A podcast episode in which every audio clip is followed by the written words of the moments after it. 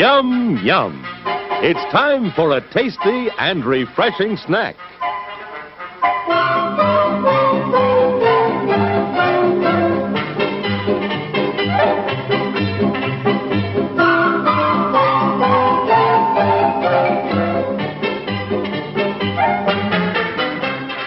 Hello and welcome to Salon 3, or I should perhaps say Salon 3 for this episode. This is a movie podcast in which I do deep dives into forgotten, obscure and or under-discussed films. Films that you perhaps haven't heard of but definitely should. Think of it like an um, unfunny action boys or a blank check without the bits and the box office. My name is Martin Degrell, and this is a special intermission episode in English. This is, though, a Swedish podcast. It's uh, in Swedish with Swedish guests, but this time around I have a bunch of American guests on, so I figured that we do the entire episode in English. We are in between seasons on the pod, hence the intermission. Hopefully, we'll get back to normal soon so we can start recording new episodes. But in the meantime, and for your listening pleasure, I decided to check in with some of my pals across the pond, all living in various stages of lockdown, isolation in America, to talk about viewing habits during the pandemic and also to hear about what they've been watching during these strange times. First up, we have Julie Klausner, writer and comedian, mastermind behind the hilarious show Difficult People, host of the podcast How Was Your Week, among other things. Julie is currently sheltering in place in her apartment in Manhattan. And uh, we talked about rewatching comfort movies, New York in the 70s, Bette Davis, and uh, much more. Are you in a position where you're sort of revisiting old movies like comfort kind of movies, or are you watching new stuff, or how, how are you how are you viewing habits change or not? Well, it's interesting that since the election four years ago, I've been rewatching movies. I've been in a comfort food sort of space. Um, not to get too political, but I, I think you know after the election, sort of, um, you know, just slapped me upside my head, and I had no had no idea that was going to happen. You know, perhaps I was looking to relive stories that uh, you know I knew the endings of. Um, and then in other ways, I was probably just, I think like when your brain is super stressed, you're not as open or as curious to new things mm-hmm. in the same way that, you know, old people get more racist as they get older because they're just like, I want to be with people who look like me. And I think that um, when you're really stressed out or agitated, I think there's a resistance to things that are new, and also, you know, the the fear of like I could, you know, be allocating time and resources towards something that I don't end up liking. So right. um, I've definitely been rewatching um, all my favorite movies between then and now, and then specifically for COVID, um, there's a there's certainly like a generous amount of of rewatching but then there's also um, some if you like that you might like this rabbit hole you know associative suggestive things. I will say for my own um if i had to like find some pattern i would probably say that there's something between criterion the, the criterion app and the turner classic movies app that i'm I keep going back to um, just just films from the seventies. I guess if I had mm-hmm. to, if I it was if I was forced to be like, what's the you know genre that you keep you know that that it has the most play. Um, I probably, and I know that's not a genre, but I guess that's the thing that most of the things I'm watching have in common is they're all sort of around that era. Right. judging by your uh, Twitter feed, and, Yes. and other uh, things, you uh, seem to have a an affinity for uh, um, TCM in particular, and I'm, I'm very jealous because I don't have TCM. Oh, you can't even get the app over there? Well, we don't have the the cable package, and I can't get the Criterion channel either. Oh no, that's terrible. Yes, it sucks. So For someone like you, that's like unacceptable. That's so I know, right? Yes, yes, because it's not a West. I mean, there's international films on there. It Right, and be. I, I've tried everything. I've tried like VPN services and stuff, and it doesn't work. so- Oh, that's terrible. Well, I hope you can get at least one. The, the the Turner Classic Movie app is excellent. There's really nothing that you can't get from it that isn't, um, you know, or the, there's really nothing that's like on the cable station that you can't find there too. But um, they had a series last month, just New York in the '70s, and then and then on Criterion, sort of in a, you know, there was like there was definitely something going on either subliminally or otherwise because criterion had um 70s style as as a category so there was some overlap there was i think klute was on both um shampoo and then uh those were like that was like the stylish ones on criterion as well as through the eyes of laura mars which i've never seen which is great Oh yeah, that's yeah. I watched that last year. Yeah. Yeah, I love that one. That one's terrific. And then um as far as like the New York in the 70s stuff, that's Dog Day Afternoon, Pelham 123. Um trying to think of other uh just like off the top of my head. Um a, a- lot of a lot of good stuff. I I do think the 70s are just a very exciting time for for film, American film. Um and it was also I don't know, I'm I'm also kind of curious about like because I was born in the 70s and I don't know if when you were born kind of determines your like um Yeah, aesthetic or maybe I don't know. Maybe, yeah. I completely agree about the New York in the 70s, even though it's Yeah. kind of, you know, it's kind of rough, you might say, Mhm. but it's, yeah, I, I've, I love those movies. Yes, yes, absolutely. Um yeah, it's funny because I was born in 78 and there's something to if your aesthetic is you know somewhat retro, I think it's kind of the perfect like in other words when you're growing up sort of the suitable amount of distance to always be retro but not like completely obscure so when you're older and you kind of look back i don't know maybe it's narcissism but there's just something fascinating about the year you were born and, and what was going on aesthetically at that time So to move things back to the 40s, I guess, I, I noticed that Yeah. you watched uh, Now Voyager. yes yes yes have you seen that Uh, I watched it like, you know, 10, 15 years ago. It's not on, you know, top of mind, but yeah it's it's not a it's not an important movie by any stretch of the imagination it's just one of the many you know wonderful performances bette davis churned out um Mhm. it was it was interesting I, it's funny i was i was excited about it because um and this is also kind of connects to the rewatching stuff like i worked for the kids in the hall um last couple months from a, a distance oh, yeah. yeah so they're doing a reboot of that show which is so exciting and then in prep so in preparation for it i rewatched all five seasons of kids in the hall they're all on amazon prime Mhm. and that was really really great and um just you know I, I mean there's just like so much amazing stuff there. Um it's really more like python than like snl as far as like things that are enduring and um and then you know just being friends with you know getting to know scott thompson like he would give me recommendations and one of them was like oh you got to watch now voyager. It's going to be on this sunday. So that's really why i um i watched it. Um and then there's that like famous last line sort of like don't reach for the moon when we have the stars. Um it was uh is very interesting and and uh, no i mean it's uh it's it's all bette that movie's all bette davis Yeah, that's like her prime almost.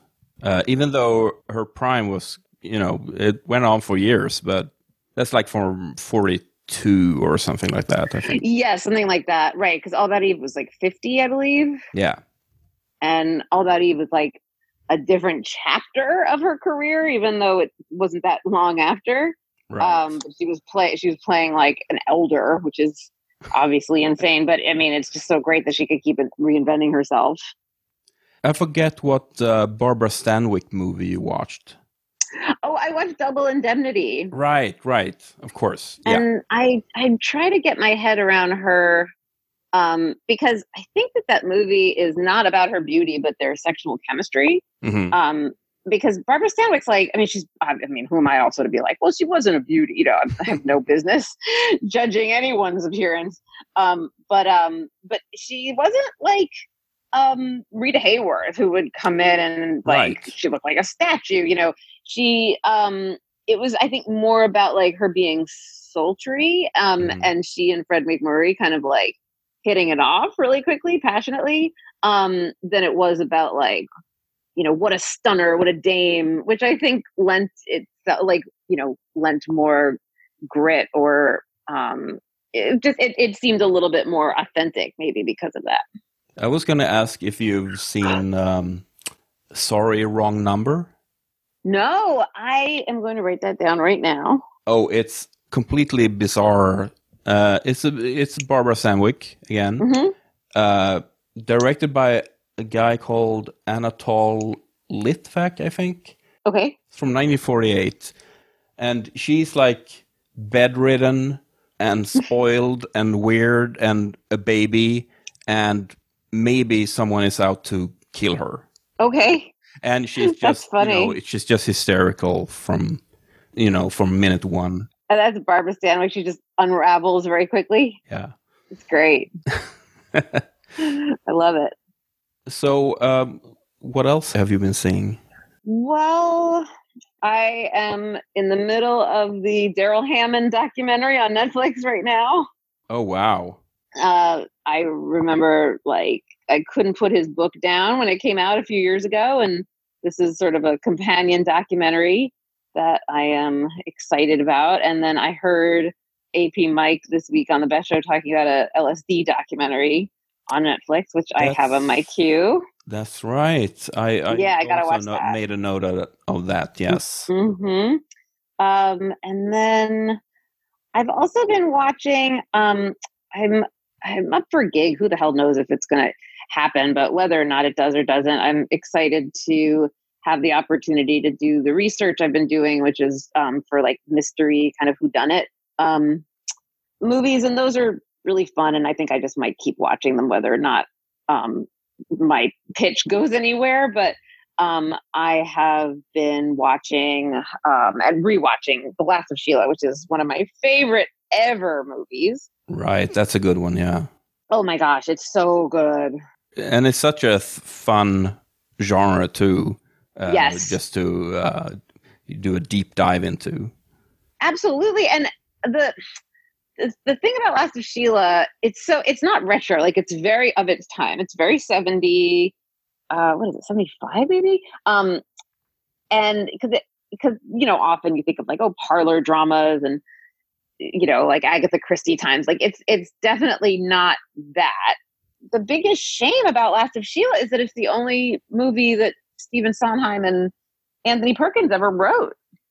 Um, and they're so good at writing together. I wish that they'd had like, you know, 10, 15 films that they've done. I mean, they really were, they were so great as writers. Um, and, you know, Sondheim's like a, a puzzle geek and these movies, if they're done really beautifully, will fit together like crossword puzzles. And, um, and that's really satisfying. And so I rewatched that and then I rewatched um, Knives Out, which is fun, and then I went back to um, Death Trap, which is one of my favorites with Christopher Reeve and Michael Caine, and obviously Dyan Cannon. Yes, of course.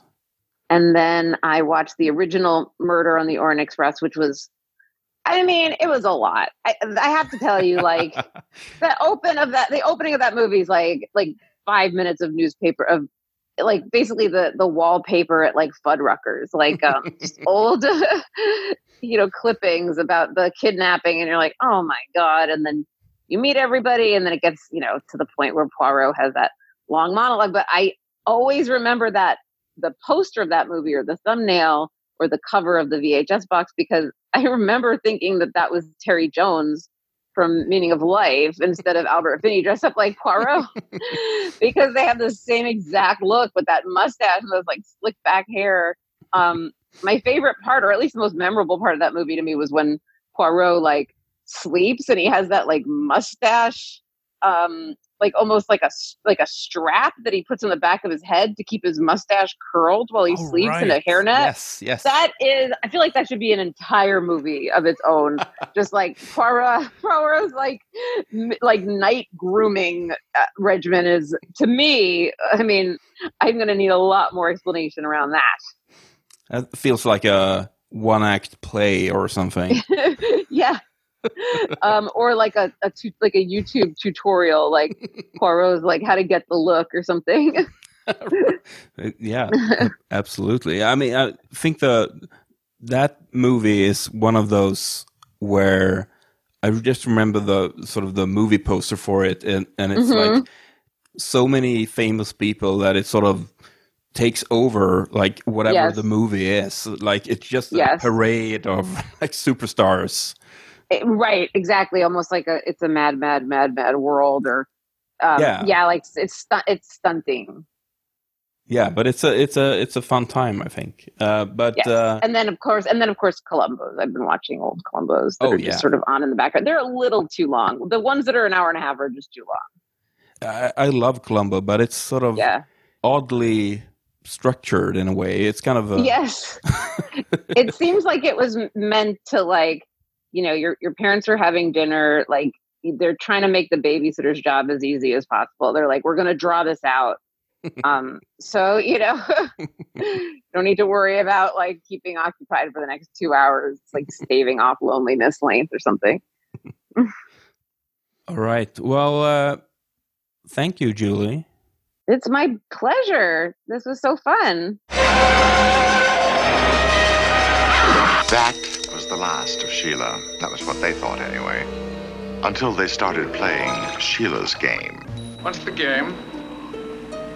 Well, the idea is to discover everybody's secret, without peeking, of course, and to prevent the other players from discovering yours. And how would you do that? Well, every day we'll park in a different port where you can discover the proof of one person's secret.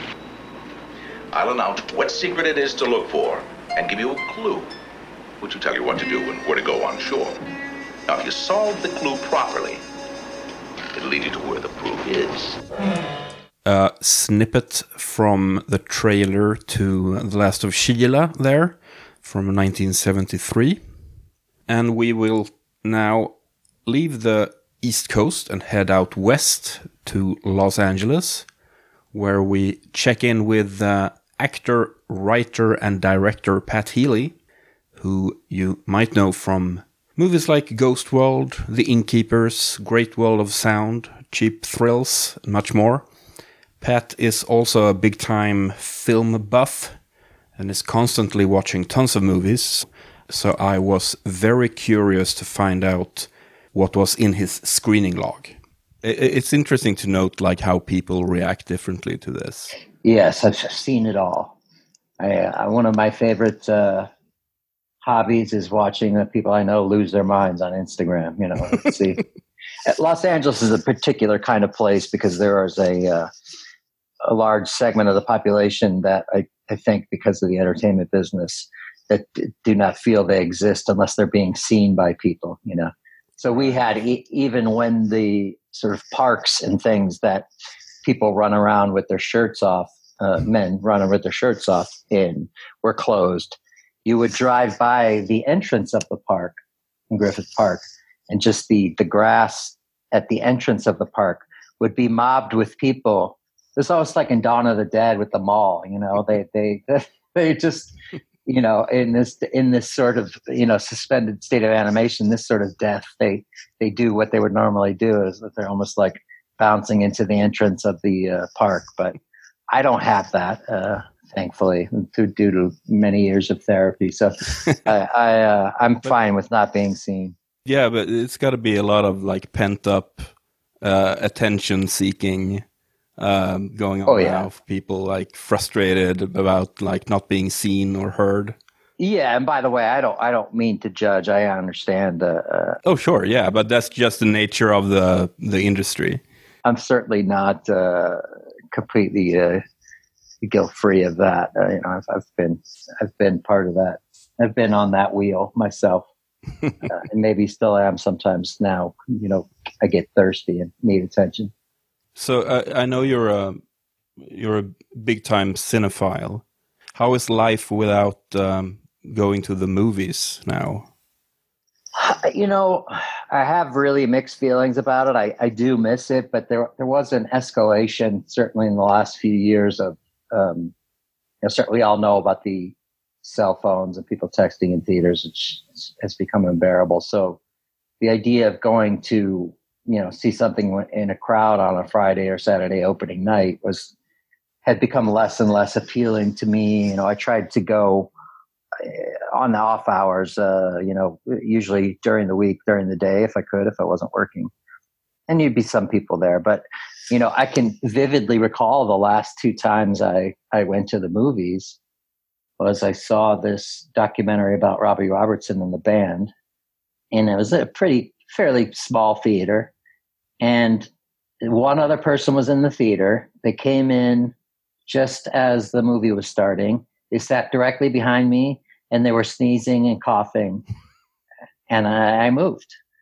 And uh, before that, I saw, oh no, after that, I saw a portrait of a lady on fire and in a slightly larger theater that was a Sunday matinee and it was quite crowded. And there was a woman with a, a, a crazy hacking cough in front of me. Hmm. And that, that hasn't been unusual. Like, I, I can think of, you know, there was a time at Christmas, last Christmas at the New Beverly here, where someone just was sneezing and coughing and, and sniffling through the whole thing. And I, I wouldn't go to the movies if I was sick, but people do it all the time. Uh, and I find it offensive.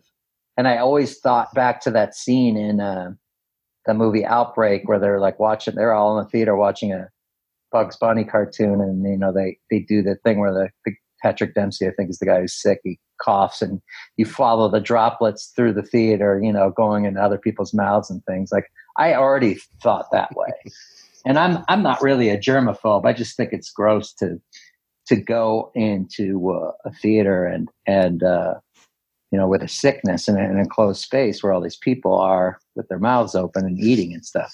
So I don't miss that. But you know, yes, the the ritual of going, or just even the idea of okay, I finished my work for today. What time is it? Oh, this starts at two thirty. I'll I'll go over there and go check that out. And maybe you know it turns out to be something great.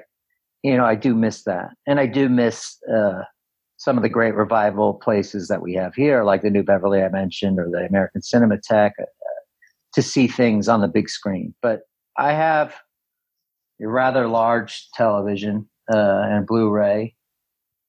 My habit has been, you know, I'm usually making dinner around six or seven and watching some news, just catching up for the day. And then it gets dark and I, I watch, you know, from, you know, 8 p.m. till, and not always, but, you know, uh, sometimes till 2 a.m. or sometimes till midnight. Um, I'm enjoying watching longer things too because I always feel like, oh, when it gets to be the summer and I can't start till eight, I can't watch a three hour movie because it's going to be too loud. But with the headphones now, it's like if I want to put something on later, I have a little bit more, um, you know, leeway with that. I, I have primarily been watching things again because one of the things that, you know, I'm not the first person to bring this up, but is that Burgess Meredith time enough at last, the Twilight Zone, where he's in the library and, and everyone's gone. He finally has enough time to read all of his books. Of course, that ends with his glasses breaking, but you know, hopefully that doesn't happen to me. I, I did run out of contacts briefly, but those uh, thankfully came in. But I have this tremendous collection of uh, because I collect Blu-rays and and uh, you know I have many of them uh, shrink wrapped, and also uh, just at the beginning of this uh, crisis and, and during it, there have been a lot of sales. because companies are going under. Of course, yeah. Uh, and so, you know, I've been snatching those up because I'm still a, a, physical media guy and I still think it, it, looks and sounds the best. So I've been watching a lot of stuff again, but I'm looking at this list here and it appears that I have seen 36 or 37 movies for the first time since this started. And then I've seen again movies I've seen again since then. Uh, like, you know, like almost a hundred. Oh, wow.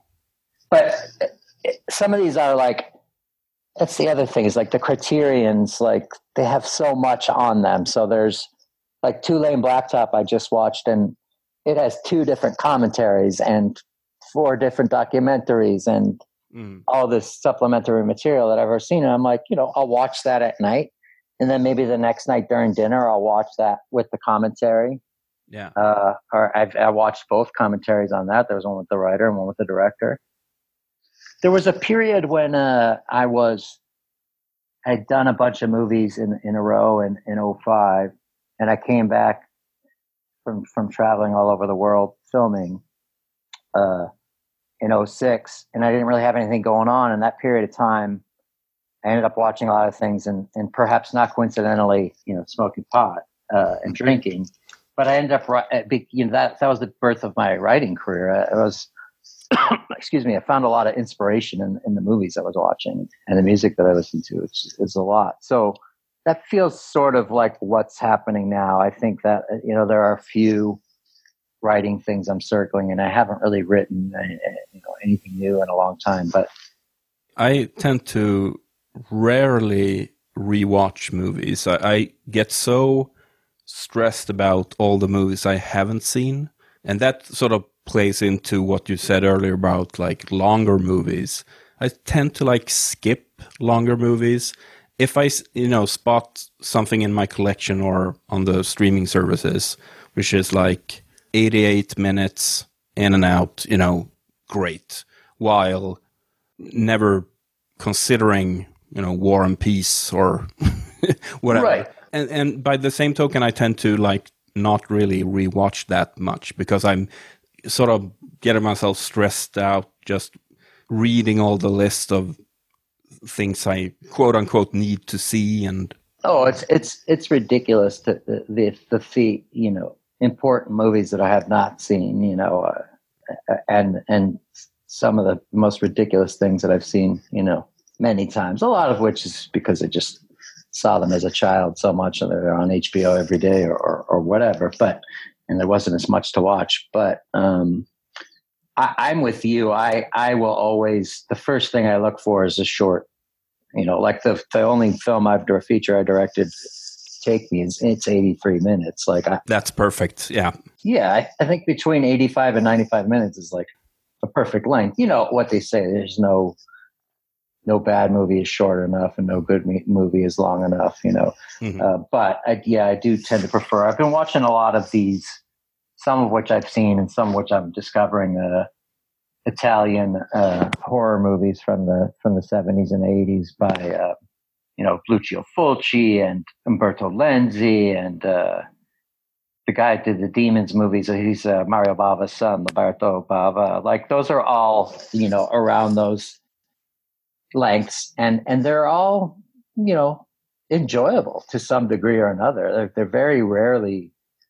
Um, they just they have just enough fun in them, and you know, to to be uh, enjoyable. And then there's been a um, a little a small group that that features some uh, friends of mine put together who they do this you know stream like live cast of a of a bad movie you know, once or twice a week.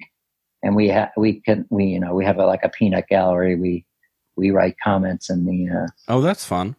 chat room. So that that's been fun you know and we've seen some some of those movies that are uh, cult disasters. Um, I saw one that was like, you know, this is really terrible, but I, I rather ended up liking it in the end. it was like it really stuck the landing. It was called Breeders. It's from 1986, directed by a guy named Tim Kincaid, and that was like a sort of sleazier, pornier version of of David Cronenberg's Shivers, you know, where there's like a, a group of people getting a, you know, like a, a, sexually transmitted disease, but it's, you know, turning them into, you know, mutants or aliens or whatever. We watched a movie by this uh, auteur by the name of Neil Breen. I guess this is his. Was this his first one? Double Down. I'm not super familiar with his whole oeuvre, but uh, yeah, I, I, do know of him. I just used that word in our chat last night. We were watching a Andy Sidaris movie, A Hard Ticket to Hawaii, and I, uh, I said, I said, this is not the best in the Andy Sidaris oeuvre. I prefer Malibu Express. Uh, we watched one called Future War from 1997, which is completely derivative of, although it's just completely cheap and low budget, uh, of uh, the Terminator and plot and, and lighting and music. But in addition to cyborgs, uh, deadly cyborgs coming from the future to um, kill people, somehow dinosaurs have been dragged into it as well. Uh, that was that was uh, pretty good.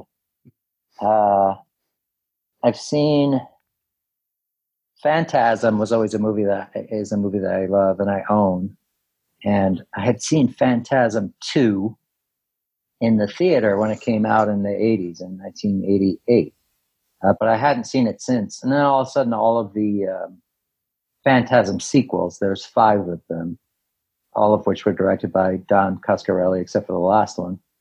And they stretch from 1979 to 2016.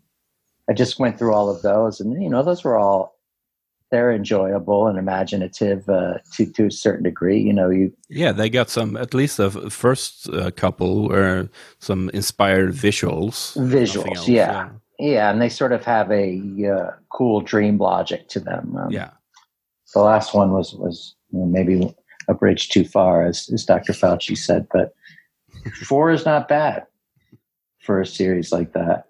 I've been catching up. You know what? I've I really I have always sort of been into seventies and eighties movies of the week.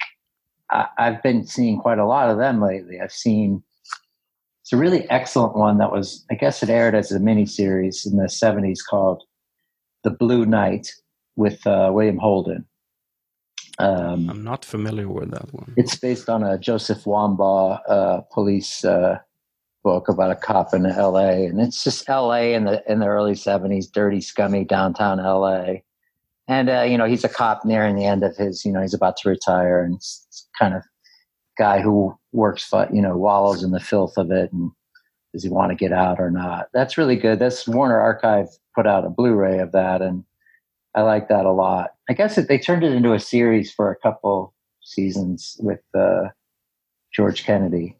Uh, I, have seen one that I I enjoyed and I saw again called "Pray for the Wildcats," which is um, from I think 74, 73 as a um, Andy Griffith is a, a lecherous CEO of a company who wants to hire these these guys from this ad agency to represent his company, and, and the uh, the ad agency guys are uh, Robert Reed, uh, Mr. Mike Brady from the Brady Bunch, Marjoe Gortner, and um, William Shatner. And uh, he says, uh, you know, you can have my account if you take this motorcycle trip through Baja, Mexico with me. And uh, he just sort of basically kind of rapes and pillages his way through. Like he's this evil son of a bitch and you know they they're all sort of confronting themselves and what to do. Uh, it's really good. I've seen that a, a couple times, and I've watched that again because they just had put out a Blu-ray of it from uh, Kino Lorber, and I saw oh Trilogy of Terror, which I had never seen, which is kind of a a cult classic from the early '70s that Dan Curtis, the Dark Shadows guy, did with it's Karen Black in as three different, technically four different characters in, in three different segments. Is that the one with the the voodoo doll? Yeah, the crazy uh, doll. Yeah, that's uh, that's amazing. Yeah, yeah, they're all Richard Matheson um, stories. So you know, he wrote a lot of the Twilight Zone um, and, and, things like that, and I Am Legend, and that, that um, was a, like a a big thing with the portmanteau movies of the early uh, I guess late '60s, early '70s, especially Right. Horror genre. I think the Twilight Zone influenced a lot of that, but Yeah, the the, uh, sort of anthology movies are it's not as uh, popular today. They don't tend to do very well, but um, they're enjoyable to watch. And certainly, people like Polonius and those guys were doing those in the in the in in uh, Europe, and eh, they're good. You know, they're easy to to get through. I mean, these TV movies usually had to fit in a ninety minute time slot with commercials, so they're you know like seventy two minutes or like eighty two minutes, so they they they hit that sweet spot that you and I are talking about. I, I love 70s movies, as you know. I mean, those are my favorites. So, so many of those I, I've been watching again. I mean, just movies from that early 70s that have that, you know, sort of revolutionary quality to them, like Zabriskie Point, Antonioni's movie I love, and Drive, he said, uh, the movie that Jack Nicholson directed that, uh, you know, was about a college basketball player there in 70, 71. And there's actual real campus uh, protest riot that broke out that they, they captured on film in that movie. yeah, that's a Uh, that's a real time capsule in a way. For sure.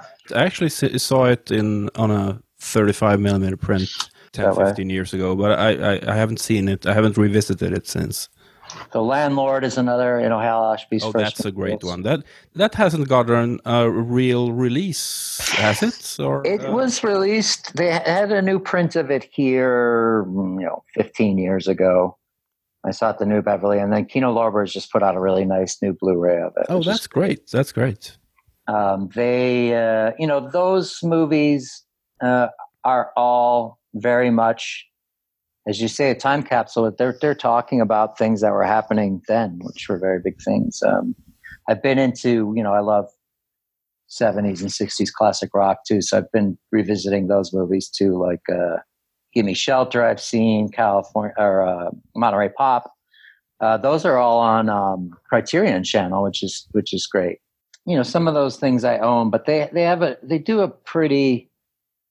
Uh, the one that had Filmstruck originally that was more of sort of a balance between TCM and, and Criterion, and now Criterion's been just on for just over a year now, and they're getting a better balance because it was mostly just Criterion for a while, but they're doing good with the um, with the the classic Hollywood stuff. I just watched some um, uh, Walk on the Wild Side. Uh, Edward Dmytryk movie based on a Nelson Algren novel from the six early '60s that has uh, Jane Fonda as one of her earlier movies, and uh, Laurence Harvey and Capucine are the leads. They're a little dull, but it has Barbara Stanwyck in it, and you know it's kind of about seedy uh, New Orleans and the, during the Depression. Um, I saw some. They have those Columbia Noir movies on there. They did that the first year they existed, and and they're doing it again. So I've seen a few good ones on there.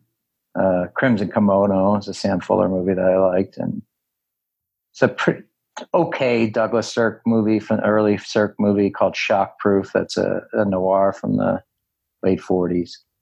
I mean, I, I'll I'll watch something and it's like, oh, I like that director. You know, I you know I, I love these the seventies disaster movies. You know, like I've watched Towering Inferno and um The Swarm and Part of the Nature Strikes Back movies. Yeah, yeah, it's, uh, it's earthquake. Uh, I, I don't know if it's because of what's going on now. I mean, I like those movies anyway. Uh, They did, You know, then I'll- I'll- they did a whole bunch of those, like mid late seventies, where they they get like, uh, you know, progressively worse. You know, yeah, well, yeah, Irwin Allen was kind of the king of them, and Yeah. they you know, they assembled these all star casts because they paid a lot of money. That you know they were the Marvel movies of their time, and um, usually you know they could get a lot of these actors because they would uh, you know not everybody's in the whole thing, so you know somebody might only work a few days, but yeah, there was Irwin Allen did uh, Poseidon Adventure and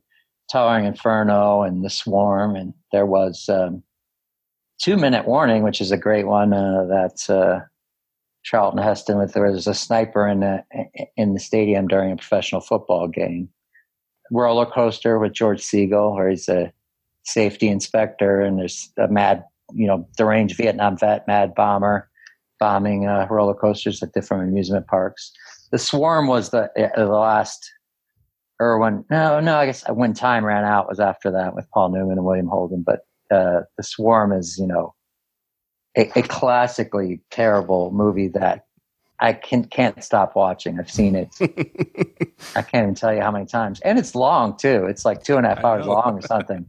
But I'm just I, I I'm fascinated with it. I love John Boorman. Uh, uh, in particular, I love you know of course Point Blank and and um, Deliverance, which is another great movie about nature being in the driver's seat. But uh, uh, I've watched a bunch of his movies. His Zardoz is great, especially that kind of state of mind.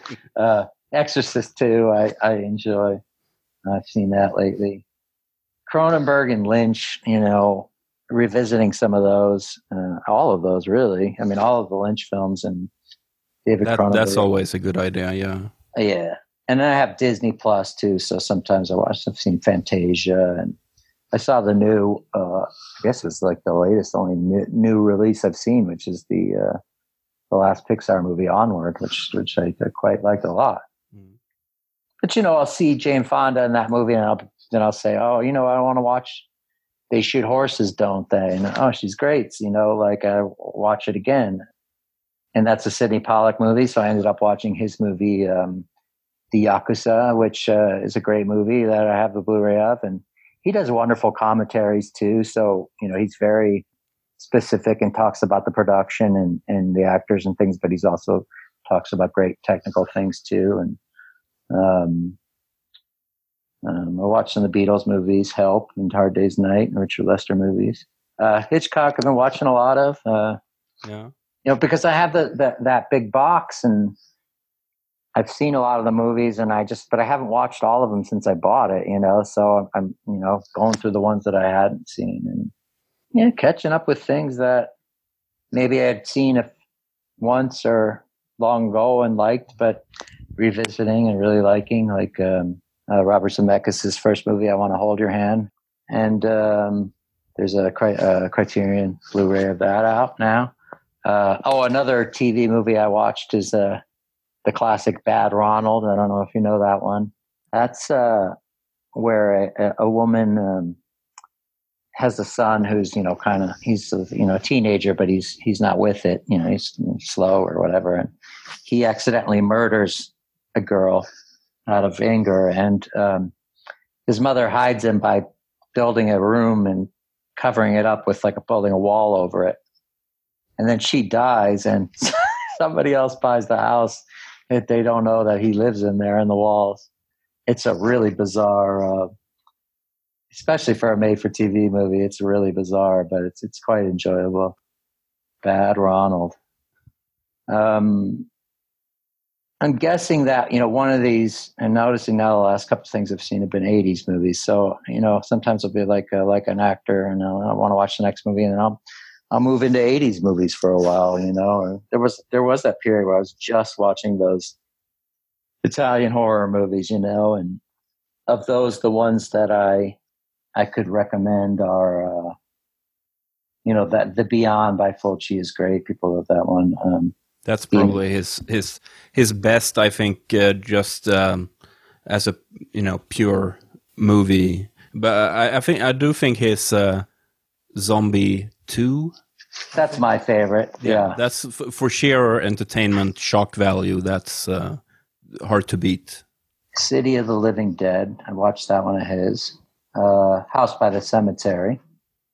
Uh, there's a really enjoyable one if people have Kanopy, which is a, a public library um, uh, app that has a lot of the Criterion Collection, just a lot of good stuff on it. But they have one called Nightmare Beach, which it's credited to it some other name, but it was it was co-directed at least by Umberto Lenzi, and it's a it's a you know slasher slash teen beach movie from the early '80s. That's that's really enjoyable. Um, oh, there's one by Umberto Lenzi called Ghost House, which is like a half you know poltergeist ripoff, half Amityville horror ripoff. That's that's it's pretty good, and it's got an a real earwormy, uh, creepy clown song in it that's uh, that won't leave you for days. Well, Pat, this uh, has been great. Thank you so much for uh, all the recommendations. We could go on for uh, for a long time with this, I think. But uh, It's just great to talk to you. yeah, it's great to talk to you, and uh, uh, let's do this again sometime. Please take care of yourself. Be safe, and Yeah, stay safe, buddy. Let's hope this uh, this all ends relatively soon. Say you're sorry.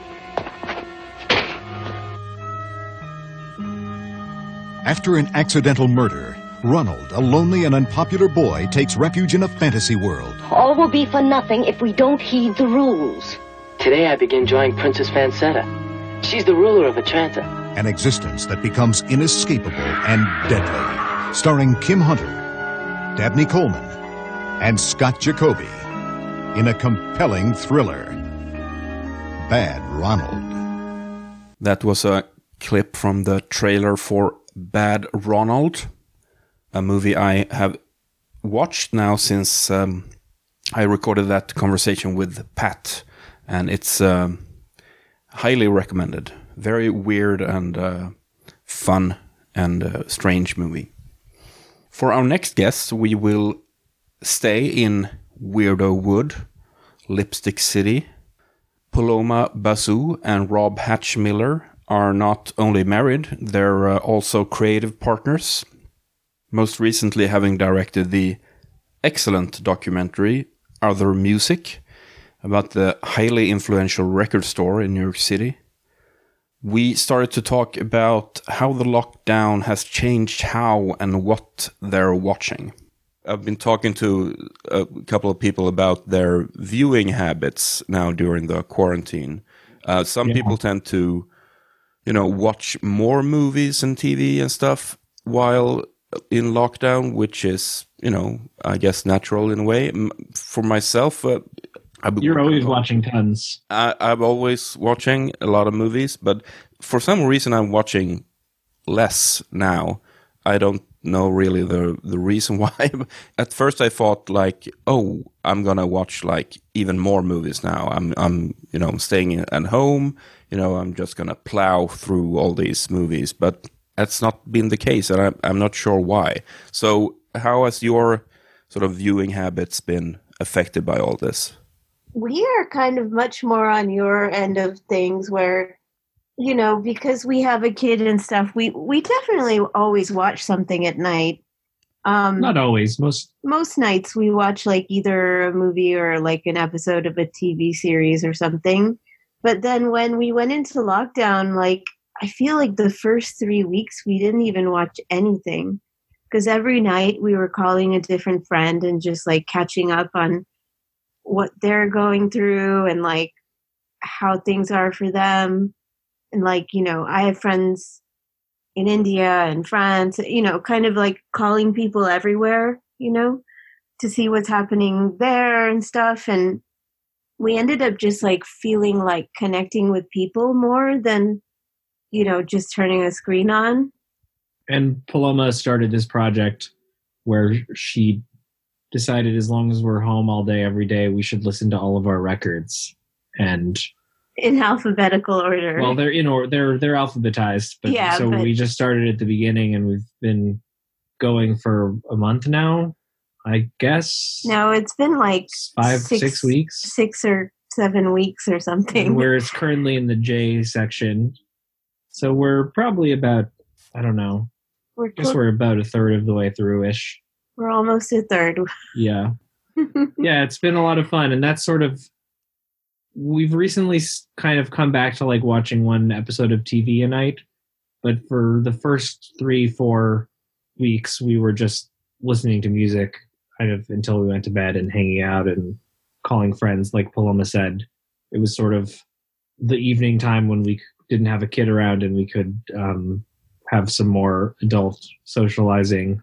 Um, not that adult. I mean, you know, it was there. It wasn't anything too uh, filthy. Yeah, so we ha- we haven't done a lot of watching of stuff. We even we thought initially we were going to end up watching tons of, of shows with our daughter, uh, movies. Like we, we have Disney Plus, and we have seen a number of like kind of Disney animated classics with her, but we haven't been doing much watching stuff with her because she just like wants to get outside and play or play with her toys. Uh, you know, she watches stuff on her iPad when she's like eating meals. But you know, I think probably for the first three or four weeks when we were at home, maybe we watched some Disney films like Great Mouse Detective and Fox and the Hound and Uh, what about the other Detective Mice movie that I love? the Re- the Rescuers. Yeah, that was a great one. So we have seen probably the vast majority of feature films that we've watched in the year 2020 are, you know, pre 1990s Disney animation.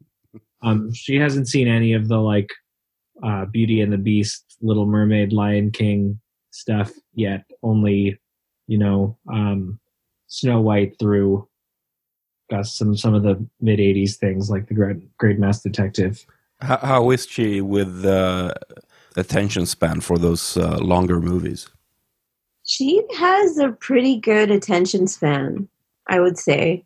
yeah she she will sit through an entire you know hour and 20 minute disney film no problem Yeah, but she doesn't, you know, and then when it's over, it, it's over. She's not like, she's just like, okay, well, that was fun. Now what are we doing? You know?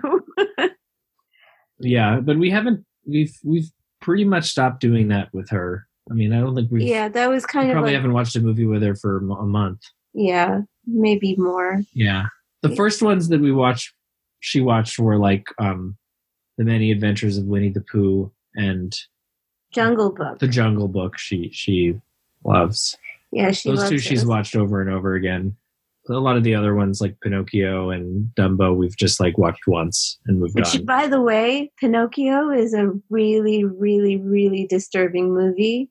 I had like flashbacks to how freaked out I was by it as a child when I was watching it, and I was like, "Oh, she's never watching this again," you know, immediately. I really enjoyed it. That yeah, a good Rob was loving it. I was like, "What is wrong with you? this is I haven't, horrible." I haven't seen it since I was a kid, I think.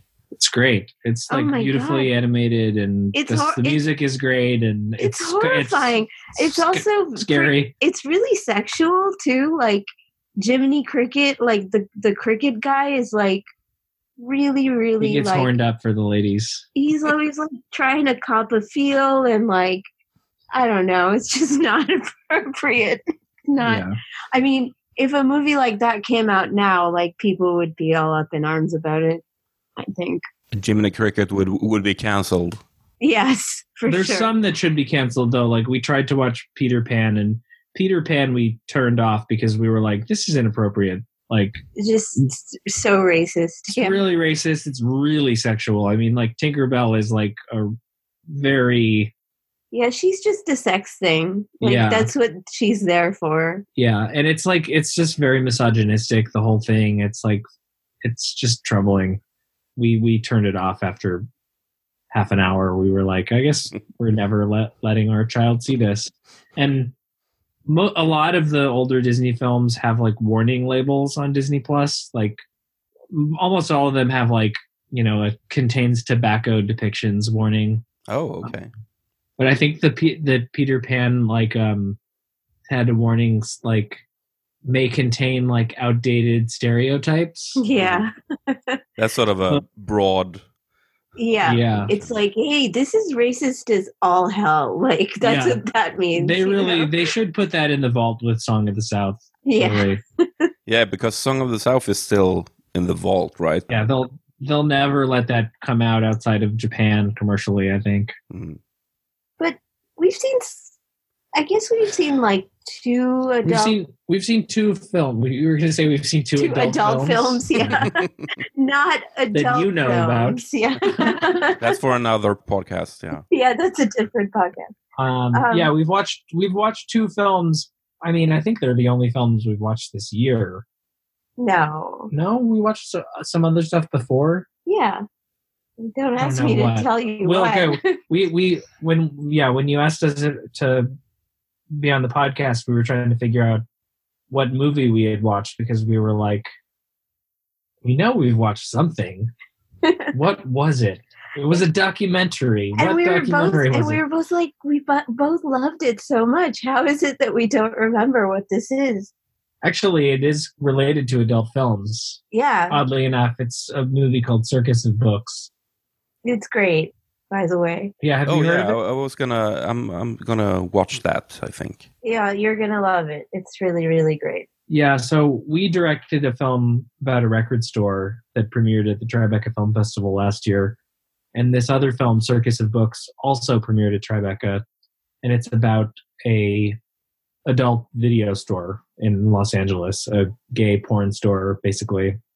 A very famous one.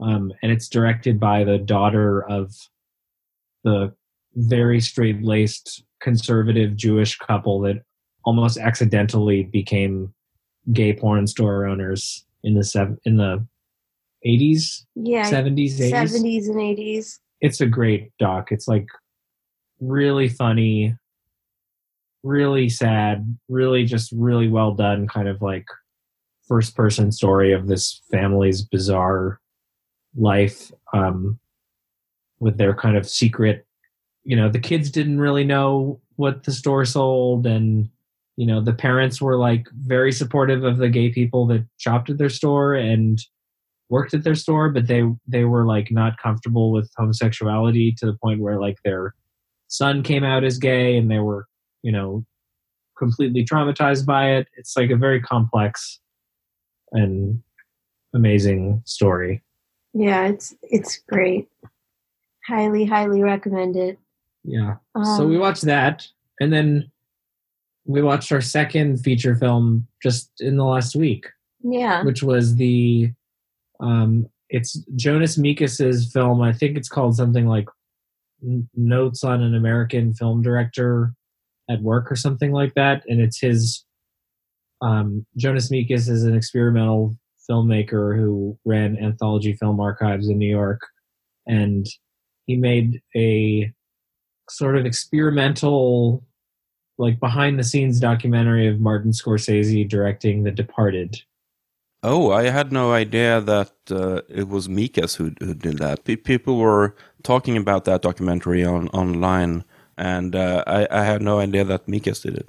Yeah, it, so it was something that I guess Jonas Mekas. I think the story is that he was asked to make like an intro video for some kind of award that Scorsese was being given. Um, so he took his little, you know, handy cam and he didn't even use sound equipment. It's like kind of hilariously like lo-fi and technically badly made, but um, you know, he's just started shooting some video of Scorsese on the set of The Departed and just was having fun and kept asking if he could come back. So Scorsese let him hang out and shoot like, you know, several hundred hours of video of hit just hit base mostly just him sitting at Video Village, like watching takes. And it's I don't know. The after five or ten minutes, I was like, "Do we really want to finish this?" But we, then we just like couldn't take our eyes off of it. yeah, it ended up being really, really great.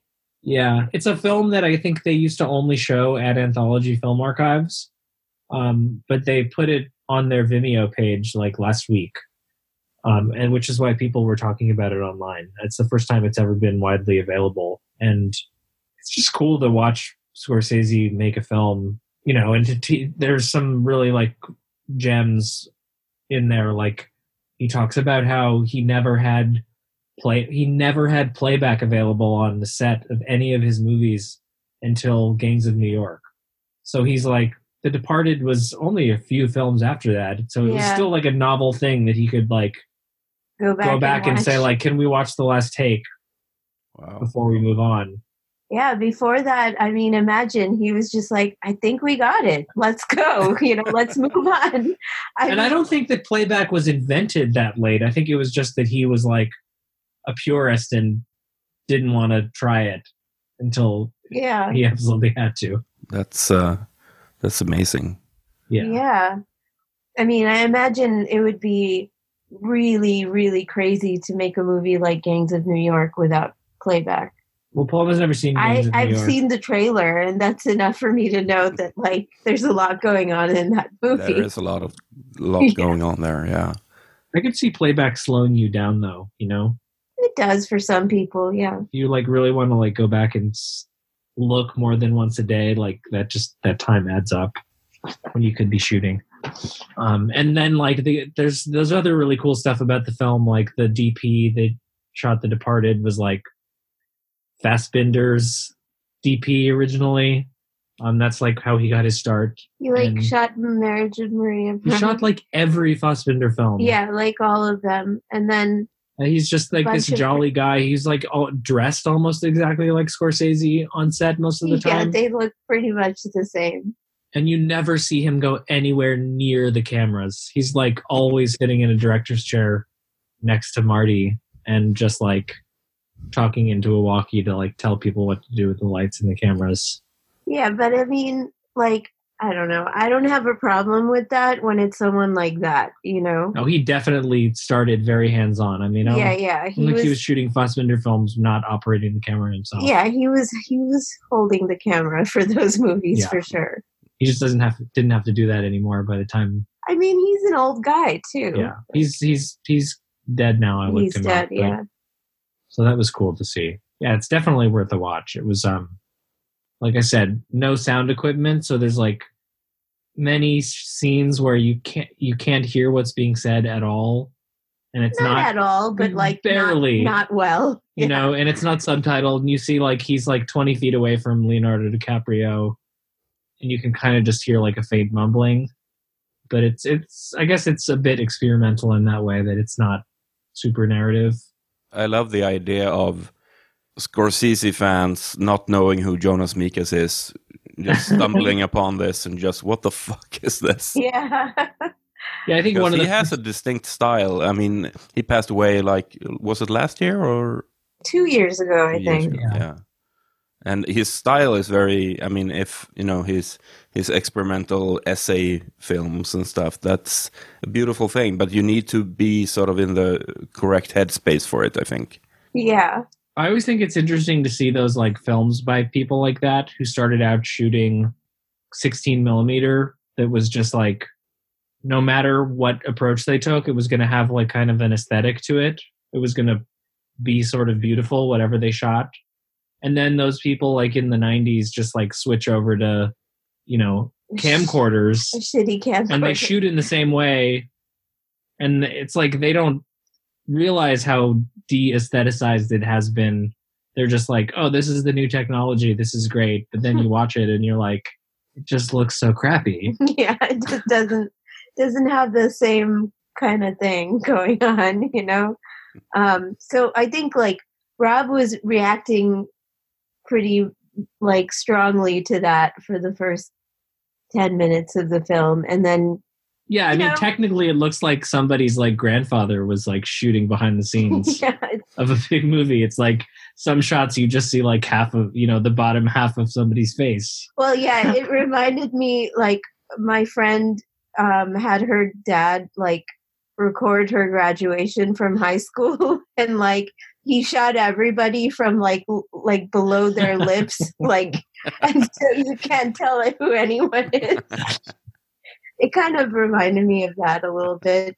Yeah. Um, But know, who else would like Scor- Martin Scorsese wouldn't have just like let anyone but Jonas Mekas just like hang out with him for Yeah, was. days and days and just be right next to him and have that access. I mean, that part of it is really cool where you see Martin Scorsese talking to Jonas Mekas and like being so like reverential and respectful and like welcoming and I don't know, it's just cool to see that, you know. Yeah. Not to be like, "Hey, I'm Martin, I'm the big filmmaker here," you know. um I like that. yeah, check it out. I don't know how long they'll keep it up. Um, definitely worth watching. And then our main watching habit has been Gilmore Girls. yeah. Oh, Which is- really? Yeah, it's a television show that neither of us had ever seen. Oh, I don't so even know- it wasn't like one of those, you know, comfort uh, rewatch uh, kind of deal. No, absolutely not. Neither of us ever saw it.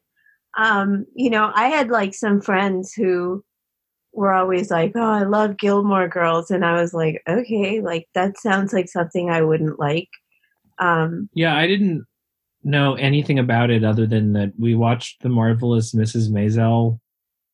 We've seen all three seasons of that and really enjoyed it. And it's made by the same like showrunner and has I guess I guess not really any of the same actors. But Mm, no. yeah, so we, that's the only reason we wanted to watch it. Um because we like the marvelous Mrs. Maisel and and we just like wanted to watch something not stressful and it's a, such a great show. It just like s- makes me feel we haven't seen it before, so it's not technically a nostalgia watch, but it has a nostalgic feel just watching it because it's it's not like it's not sitcom It's like a single camera show, but it's kind of charming and innocent and heartwarming and I don't know. It's just it makes you feel nice. Rob is like, you know, Rob's always like, oh, like, you know, it, it's so comforting. It's such a comforting show. And I'm like, well, I don't have the same reaction to it, obviously, because like I'm not white and like I didn't have that kind of a life, you know? But there is like a Korean um, character on the show. She's like the best friend of the daughter. And I'm always like, okay, like the, the whole Asian depiction is kind of fun, funny and kind of accurate. Not for me, but for, yeah, anyway. Also, we wanted to watch it because there's a lot of quantity, and we thought it could fill a lot of time while stuck at home. Rob was like, "There's like a zillion seasons of this show. Let's You know- just like watch this." Yeah, it's from you know, I, I don't even know exactly what years it was on. I think like mid to late 2000s it started, and it's from back in the day when a season of television was 26 episodes, hmm. and there's you know, and it's an hour long show, which with commercials cut out, it's like 45 minutes. And I think there's seven plot or more seasons. Wow. There's a lot to get through. We're only in the second season still. Really? yeah, we're no- still only in the second season. There's no way. Come on. We've seen like 40 episodes, so we're probably we've probably seen like 30 some hours of it, but there's like another 170 hours of it to go. Oh go. my god. Oh my god. You know, the little girl is going to be like grown up, gra- going. She'll have gone through all of college. She'll probably be getting married, and but you know, we don't know. We haven't read up on what happens later on, so no spoilers. But we've got we've got these people's whole lives I'm, to look I'm forward sure to. Martin is like all up on his Gilmore Girls. Have you ever seen Gilmore Girls, Martin? The odd episode, but uh, no, not really. I, I, I have some kind of idea of the of the show, but it's probably not a a completely accurate one. Um, Yeah, I just didn't even have an impression of what it could I just be. know that it's like comforting, and uh, the dialogue is very rapid fire, and the mom and the girl, their they their relationship is very wholesome and good. yeah, it's a really nice story about a single mom and her teenage daughter, and they're just like quirky and kind of do things their own way. And I don't know, it's like whole, it, it's not Leave It to Beaver esque in its like wholesomeness, but there is some weird element of that, just kind of like It makes Rob very emotional, I have to say. Yeah. Rob really connects with it. I really do connect with it. And we also watched last year Veronica Mars, Yeah. which there's some some kind of similar vibes. I mean, Yeah. it's the you know Gilmore Girls isn't a mystery. Well, yeah. But- I mean, that's like so. That's there's my no thing. there's no danger in uh, Gilmore Yeah. Girls. Yeah. right? I have like a side, like so. I watch a show like when I'm like take like in, you know, I'm in the tub or whatever. If I have like ten minutes, I'll like watch ten minutes of like an episode. Um, this is a show called Endeavour, and basically like that's my thing. Like when I have like a little bit of time to myself, I have to watch like a British mystery show of some sort. I've seen pretty much everything, like the worst British mystery shows you can think of. I've probably seen like every season, you know. But right now I'm watching Endeavour, which is really good. I'm not familiar. It's um do you remember a show called Inspector Morse? Oh yes, it's like a really old show and it had so many seasons. And so this is like a new show, but it's a prequel to the to that. So it's that character when he's really young and starting out. Oh, I see. I think it's more or less called Young Morse here. Okay, Just yeah. to make people make the connection. Right, right. That makes sense. Yeah.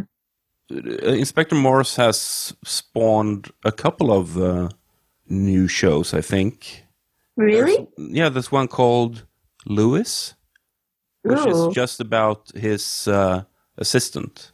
Whoa. I know. I only know this because my wife is watching it right now.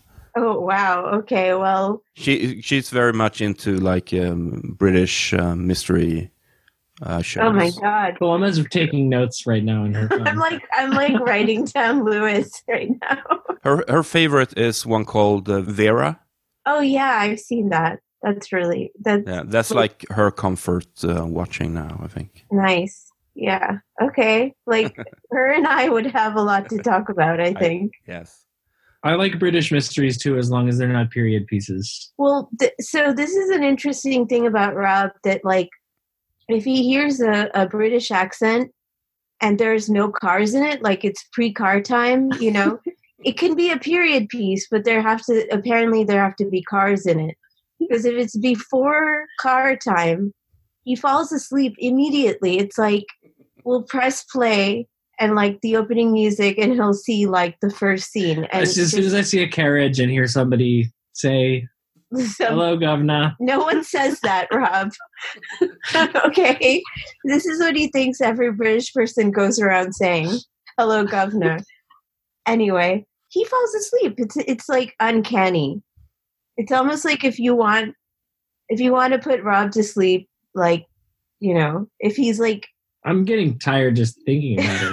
if he's like supposed to be like in a heist and he's the getaway driver, you can like bring him an iPad and show him like Jane Eyre and he'll like bungle the whole thing. Why would you? Why? Why would you want me to bungle it though? I don't know. he came up with a weird scenario. the, the the police have infiltrated this heist, Yeah, they're and, like and, and the way they're gonna keep it from happening is by putting the getaway driver yeah, it's like a non-violent way to do it, you know? Just saying. yeah, give me some Jane Austen. Yeah, Jane Austen is like Rob's kiss of death. So you need it to be like um, an an anachronistic uh, Jane Austen where people drive around in cars and stuff. That's fine. yeah. he would like for instance because he will watch um was that show The Crown? Oh, I love The Crown. Yeah, he'll watch that like totally fine. Does not fall asleep. Yeah, well, there were cars when Queen when Elizabeth. Yeah, I know. Well, that was the whole. That's when I discovered that it was the cars that was keeping him from falling asleep because I was like, hey, like you know, this is this the you know the crown. It's a period piece. Like, how is it that you can like stand the British accent in this scenario? And he was like, well, there's cars in it. You know, like it's the most obvious thing for me for him to say. Like, you know. Anyway, still don't really get it, but. Uh, so before we end this uh, wonderful conversation, I was gonna ask you about uh, your wonderful documentary, which I know is now available to stream. Correct? Yes. Um, It's called we- Other Music. We should uh, add. Other music, yeah. We we have a film that um, we made about this record store in New York, and it was supposed to be coming out in um, some theaters in the U.S.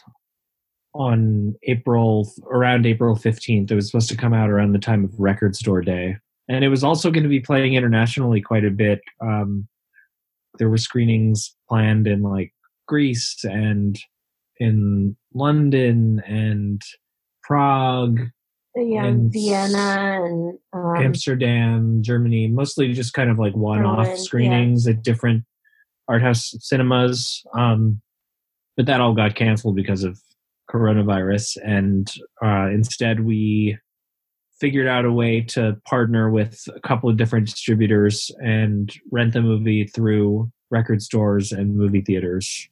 and then they get to keep half of the rental fee. So it's a way to support a small business and hope that they are able to get through this terrible time. Yeah, and it's um you know it's rented for uh, it's about eleven dollars US most places. No matter where people are, they can rent it. If there's no like ge- geographical limitation. Um, the transactions are all in US dollars, so I think probably outside the US there's foreign transaction fees potentially. But it is available to watch anywhere on earth and it's done really really well. I think because we were one of the first films released in sort of this virtual cinema experiment and also because we timed it around record store day and because it's about you know a small business closing that all has really resonated right now and it's just done super well i mean i think it's been rented almost 5000 times Oh, Yeah. that's great. Yeah, we're really, really psyched about that because, you know, we were going to show it at like 35 plus theaters around, you know, the country and the world. But, you know, that many people wouldn't have come, I don't think, to see it. I mean, just there's just no way. So it's kind of amazing that, you know, we've benefited to some extent Yeah, from, it- from what we were talking about before of uh, know, like- everybody's stuck at home and some people are watching tons of stuff so they're going to watch a new documentary that's you know kind of an exclusive rental and i think people were have been excited too to rent things through small businesses rather than renting them through itunes or amazon. Yeah, like it gives them like a personal because we have partnered with over 200 places and there's stores, you know, in Europe and South Africa, New Zealand, Australia, like kind of everywhere. And um you can just go through the list and see if there's any place that you have a personal connection to and and make it more of a personal choice and yeah i think for people it feels kind of like a half donation to the to a store that they're trying to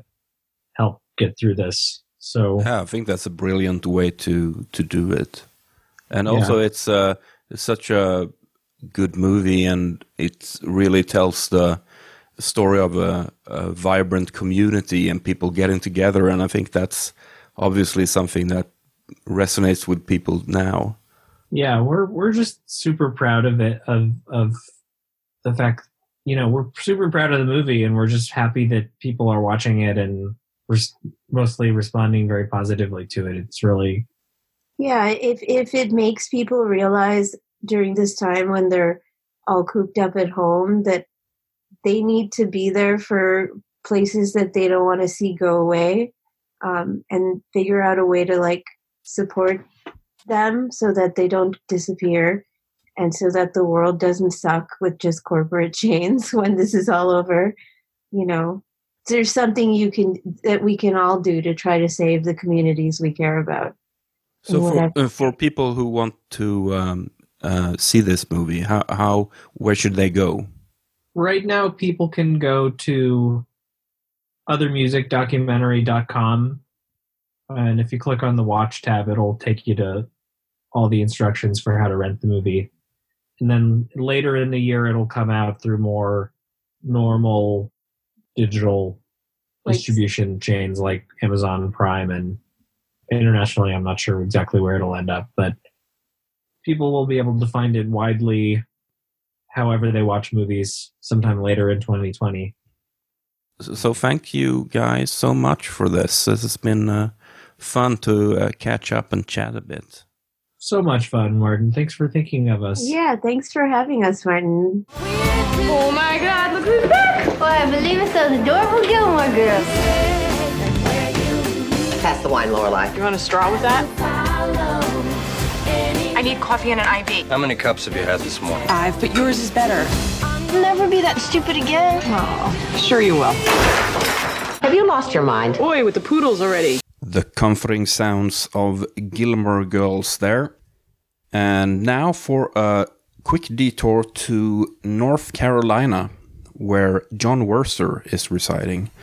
Jon is, of course, a prolific drummer in a number of bands, most notably Superchunk, the Mountain Goats, and the Bob Mould Band. And he's also a, a very funny writer and performer, which fans of the best show can attest to. Jon loves documentaries, especially music documentaries. So, needless to say, we spent quite some time talking about that.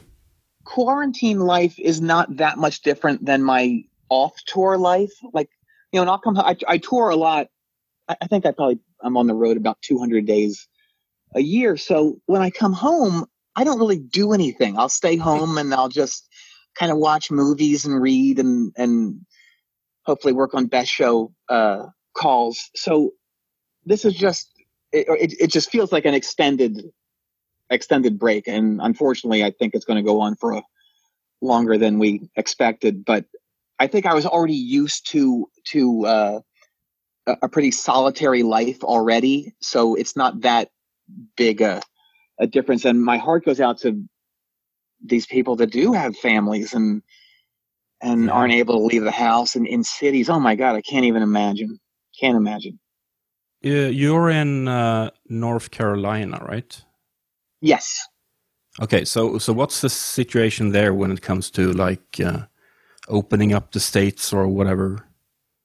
Well, um, our our our governor has been pretty good about it. Uh, he has, as far as I know, he hasn't lifted the uh, stay-at-home order. And just today, our illustrious, uh, incredibly smart president said that he's contemplating not having the Republican. Is it called the the convention? I guess. Yes. I think I I think I think it was set to be in Charlotte, which is which is about three and a half hours from where I live in Chapel Hill. And today he was bringing up the idea of pulling it from North Carolina because the governor has not eased the restrictions. So that just shows you how incredibly fucked up our country is. Um, but uh, I live in Chapel Hill, which is a college town, so it's kind of an oasis in in a state where, you know, in my experience, it, it's a pretty Republican state, uh, except for these little college towns like like Chapel Hill. So I don't feel like I get a true read on what the what's going on in the rest of the of the state when I drive around Chapel Hill. So I think people are behaving themselves pre- pretty well here. And but you're in the countryside. Is how rural is it there? Is it like country country or is it like outside of the city or? It, it it's outside of a of a town. I, I wouldn't call Chapel Hill a a city. Uh, and because school is out right now, it's you know it, it's it's even less populated. But uh, I live a, a few miles outside of of Chapel Hill, and it's um, let's say rural. But it, it, if I drive if I drive a couple miles, then it's I mean it's it's farmlands. Mhm. Yeah. I I know you're uh, big into like um, music documentaries of all kinds. Have you been, you know, binging more than usual these these days, or are you sort of it's uh, business as usual? it, it's kind of business as usual, but the one bright spot of this whole thing is that, uh, you know, over the last 10 years, I, I've toured really hardcore and I've amassed this incredibly huge collection of books and DVDs. A lot of them are music related that I just never had a chance to read or, or watch. So I'm slowly digging through all of those to see what I I have uh, uh, over all these years. So I, I've been doing a lot of that, and uh, let's see what I got here. Uh, Knights of Fuzz, a uh, garage rock documentary featuring 15 bands, and I've heard of two of them. the Mark of Cain, a documentary on Russian criminal tattoos. A documentary on Lamb of God, a uh, metal band from Richmond who I don't think I've ever heard, but this looks like a pretty interesting story. Uh, as the Palace I. I know you're you, you don't have any problem issues with like digging into documentaries about bands that you know nothing about or haven't even heard. No, those are my favorites because I don't. I come in with no baggage and no expectations. There's a documentary. Uh, some of my favorite ones are are documentaries about music scenes that I never knew even existed. there's there's a great one about the um, Little Rock, Arkansas punk rock world of the late 80s and the 90s. And I've heard I think I've heard of one of these bands. and it's really interesting and like a lot of these scenes that are kind of kind of insular. Everyone talks about all the bands that you've never heard of like they're the Beatles. So I I, I love finding out a, a, about these little scenes. There's one I just watched the other day on um oh what scene was it? Um one of these scenes in the middle of nowhere. But there's there's a good one that is available on, on Apple called "In Heaven There Is No Beer," and it's about this this music scene I never knew existed in the early aughts. So maybe from 2000 to maybe maybe 08. and it's it's like I I described that Little Rock, Arkansas documentary. It's a hundred bands you've never heard of and everyone's just talking about these bands like they were the greatest thing of all time. And that, that is so I, fascinating. I, find that fascinating. Yeah, yeah all, it is. All those uh, sort of microcosms where you'd think that you know this day and age with internet and uh, you know the globalized everything, everyone knows everything. You'd think, and then you find these small communities where it's like, where did this come from? Yeah, how, how and, and how did it not ever m- make I guess inroads is the wrong way. Outroads. You know, how, how did how did nobody ever find out about this stuff while it was happening? What else? Uh, watched a good one on Amazon Prime the other day about uh, Rowland S. Howard from uh, uh, the Birthday Party and Crime in the City Solution. That's a good one. Um, I didn't have much interest in this uh, Manic Street Preachers documentary that just went up. I think I just need to check out more of their output. For some reason, that's a band that never connected with me. But you know, so just like a hundred things like that. And I love. uh I've been watching my my my shows. I like Better Call Saul. Um, uh, Billions. I like. I've been watching a lot of these DVDs uh, I've got with um, commentary, which I love. Like you know the, the, behind the scenes stuff. They'll be like with the uh, director or the stars. Um, Yeah. Willy Wonka was a good one. Fletch, uh, Caddyshack. There's actually a, a good Caddyshack book I, I just finished. Um, I think it's called Cinderella Story, and it's about the making of Caddyshack. That was really good. American Werewolf, broadcast news, Heaven's Gate. I, I love just hearing about the trials and tribulations that go on. Is it the the, is it the sort of the the behind the scenes stuff that you're interested in, or or uh, the drama, or is it the filmmaking, or what is it? I, I like all of it. I like I like the the logistical nightmares they had making it, and and I love the little little funny anecdotes. like there's a, there's one about uh, the very first uh, shot on Caddyshack, and um, Harold Ramis had never never directed anything, and it's the first shot, and he yells, "Okay, and cut." I mean, action, and and and and it wasn't a joke. Like he, he did say cut. so I love I love things like that. Heaven's Gate is really interesting, just about how the you know how it spiraled out of control and nobody could really keep Michael Cimino on track, and I just love things like that.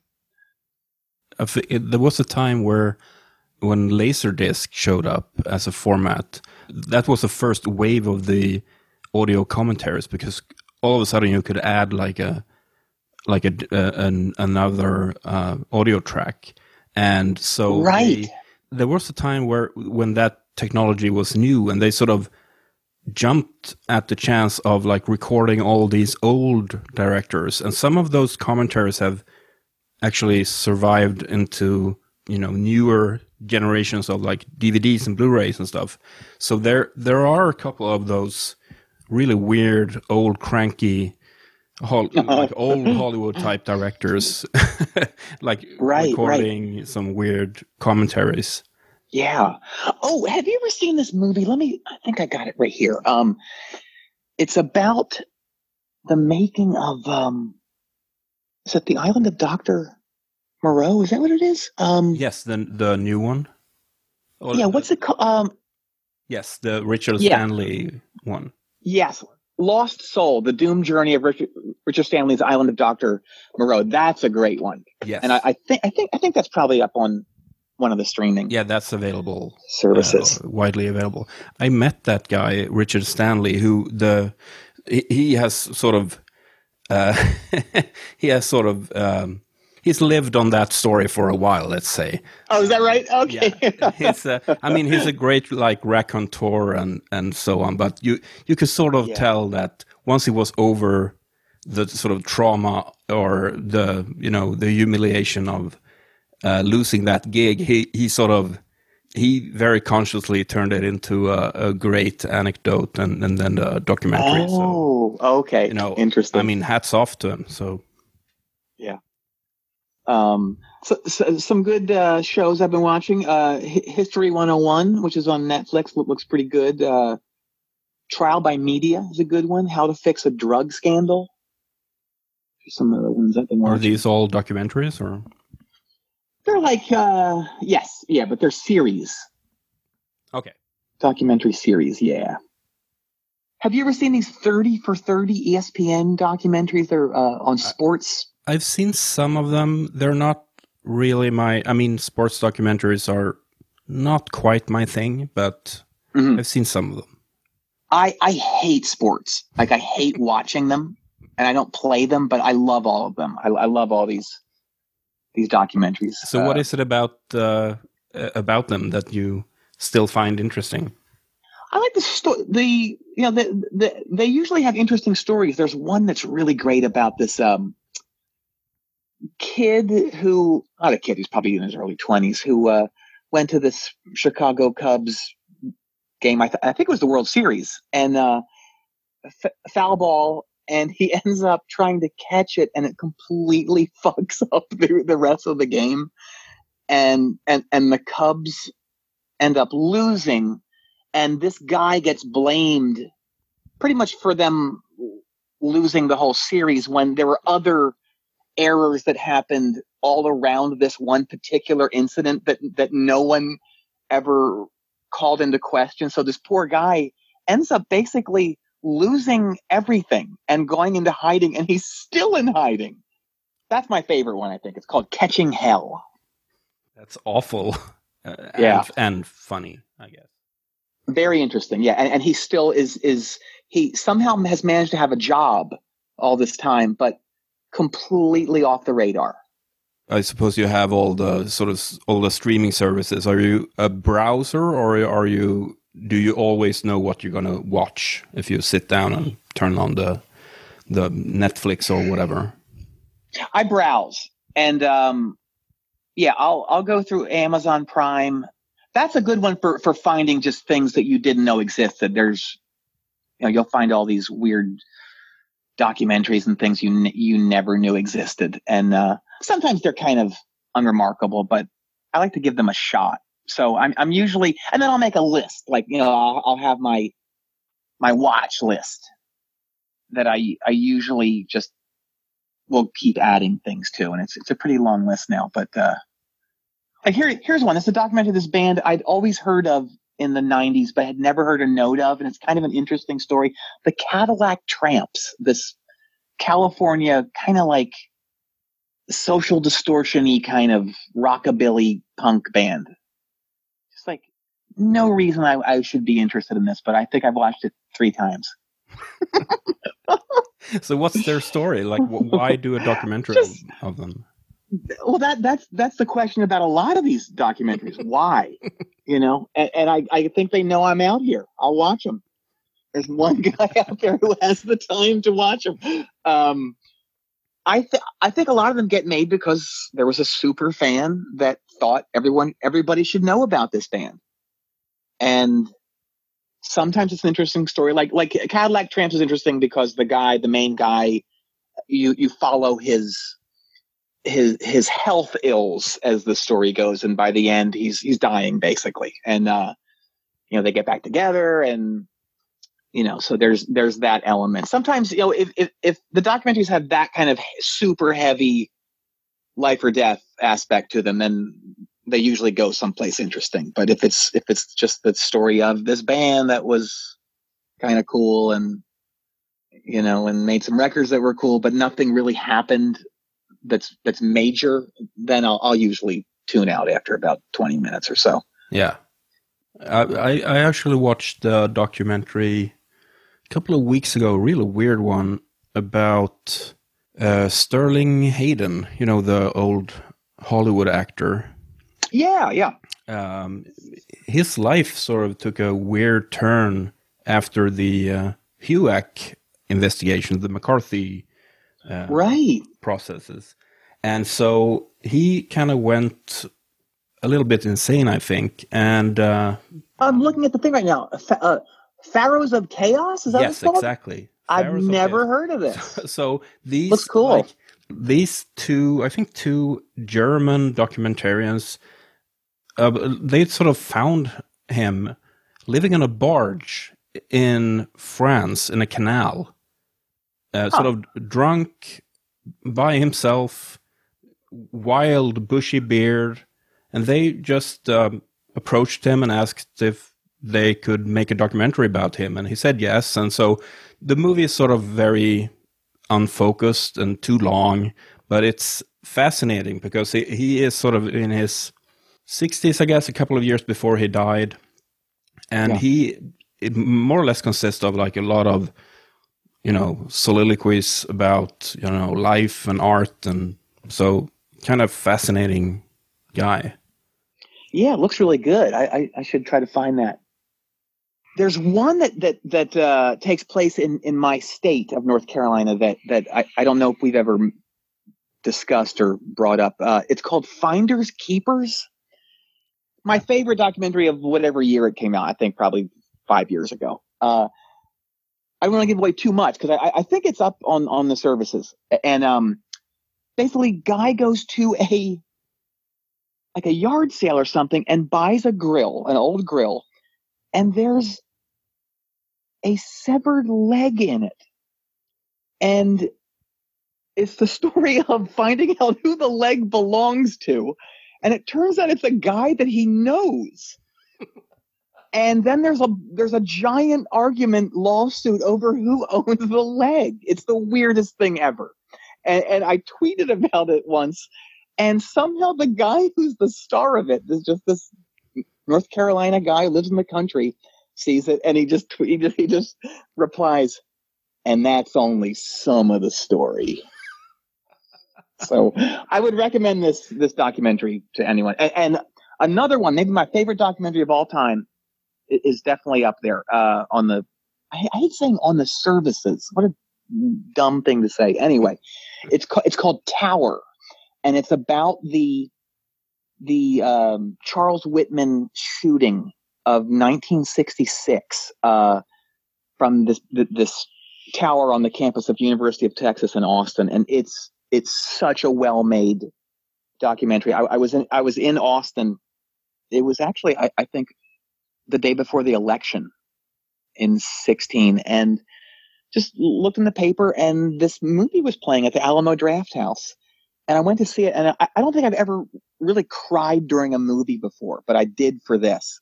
So it was super heavy. And the next morning, I I actually went to the tower and and stood just you know on the courtyard area where this thing happened. It was the heaviest thing ever. So I would highly recommend this movie, Tower. It's I think it's just unbelievably good.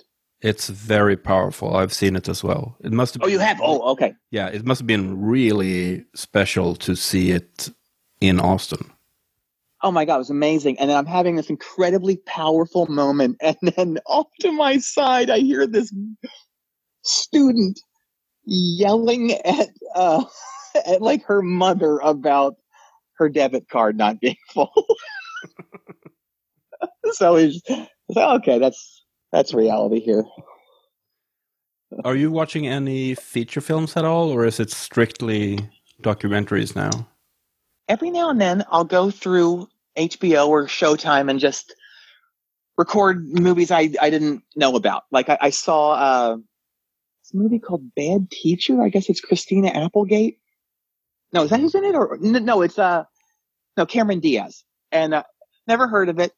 Had a couple moments that I that I thought, thought were funny. So every now and then I'll I'll find a movie like that. But uh, and from being in you know in these guilds, you, you get those screeners, you know, uh, uh, of the current film. So back when I could go out, I, I would I would go to the theater to watch all these movies. But but uh, luckily, I've got a nice stockpile of DVDs of these movies that I I watch. Like uh, I, I like Uncut Cut Gems. I like Slim and um, what's it called? Slim and something about the couple that No, it's something else and Slim.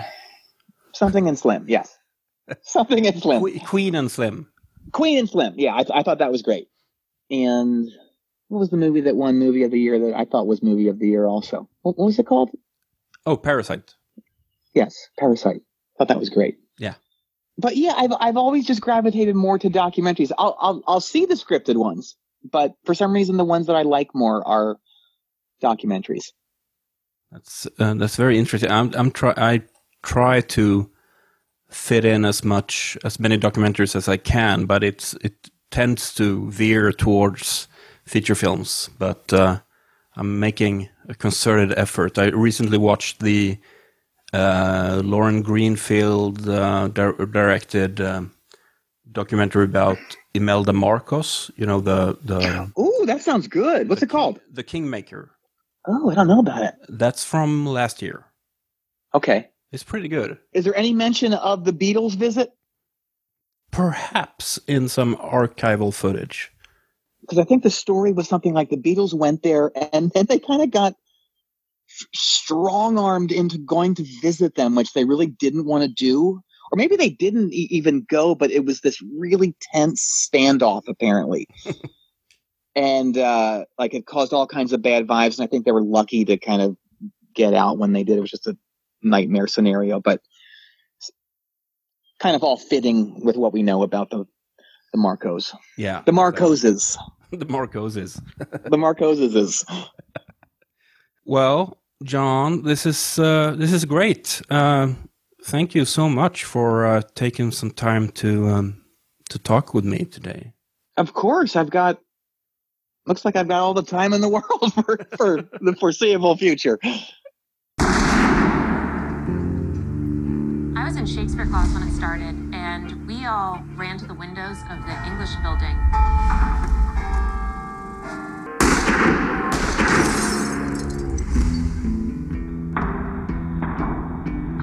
Everybody was in a state of panic.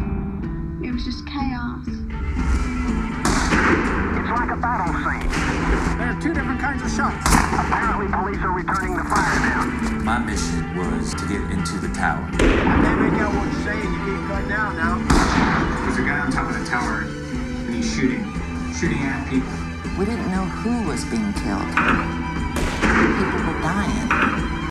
That was from the trailer for the uh, suspenseful and, and heartbreaking documentary Tower that Jon spoke about before.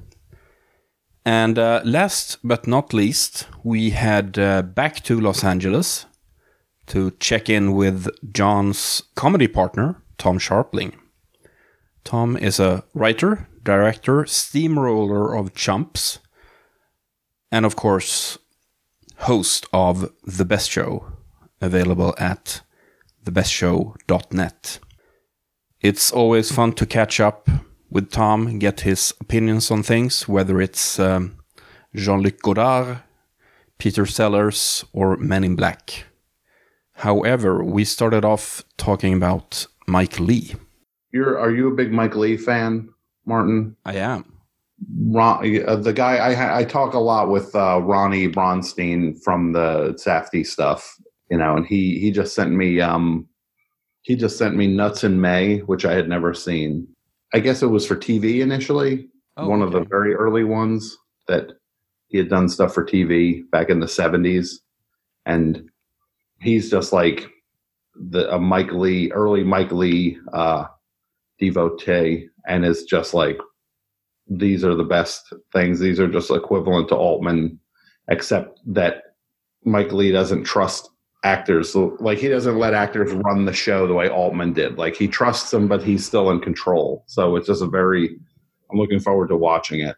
I haven't done a deep dive in his uh, earlier TV work. Yeah, me me neither. I saw you know I, I saw the like uh, High Hopes and was Life is Sweet. I saw all those, and then and I know people talked about them, but I never saw any of it. So he he insists that I watch it, so I will do as I'm told, and I will watch it. Uh, I don't know if uh, Mike Leigh had this always, but I mean he has this very. Uh, I'm, I'm sure you're uh, aware of this this very elaborate rehearsing process. Yeah, like like a like a insanely like where they're doing all the the working out in that. It's just like how long is it? Like it's almost like two months or something, or or, or more, or more. Okay, Yeah. and and of course that's that's a, a privilege few few can attain. But uh, oh my god, yeah, that's you're lucky if you have like two days with some of these yeah things. You and know, I guess that's that's uh, what uh, separates him from Altman in that regard, because he Altman seemed to be more of uh, let the actors loose kind of.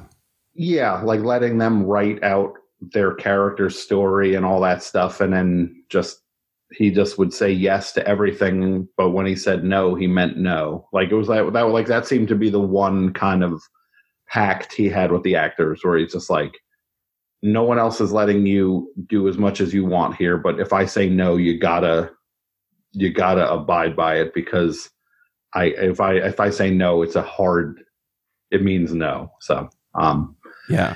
yeah, it's very interesting. Are you missing uh, going to the movies? Oh yeah. Oh, I miss it so much. I just that's that's one of my favorite things is movie theaters and and just the idea of going to the movies and I I like going to the movies by myself and I really enjoy the feeling that if I'm at a movie like during the day there's this weird feeling where I'm just like nobody knows nobody that knows me knows where I am right now. Like literally no one on the planet knows I'm at the movies right now. And it's kind of I've always enjoyed that kind of strange hiding out as well as going to the movies at a, with people in the theater too. I'm not opposed to that, but um no, I really miss it a lot. The last movie I saw in the theater was um I saw uh, Invisible Man, and then I saw the Impractical Jokers movie. So I think I might, if this doesn't stop, I will live my life with the Impractical Jokers movie being the final film I saw in a theater. Would you say that you, in in that case, went out on a high note? Oh yeah, no, I went out, went kind of went out where I came in, in a way, just focusing on Staten Island and New Jersey uh, goofballs, kind of full circle. If that's how if that's how it ends, I will accept it. I know you're a, a, a big fan of, of those guys. How was the movie? It was funny. It was really funny. They it's kind of um, it's uh, look fr- framework stuff in movies that they get that gets added to a thing is often not my favorite part of that stuff, but um, they were pretty fun with their with the stuff they did to to make it more than their television show, and um, it was all done with with uh, with a sense of humor that they were kind of making a movie now. So it was it was it was good. It was fun. The stuff that counted, uh, they got a little bit bigger for the movie, so that was fun. And yeah, it was a good a good time. Where are you at when it comes to movies now? Or are you focusing on anything in in particular? We mentioned Mike Leigh before, but are you into a specific genre now, or a director, or Uh, anything? I'm just trying to watch some good stuff and not be as dumb as I know I can be. I watched a bunch. I was I started watching uh, Godard in movies in in order, and that's I'm about five in on that.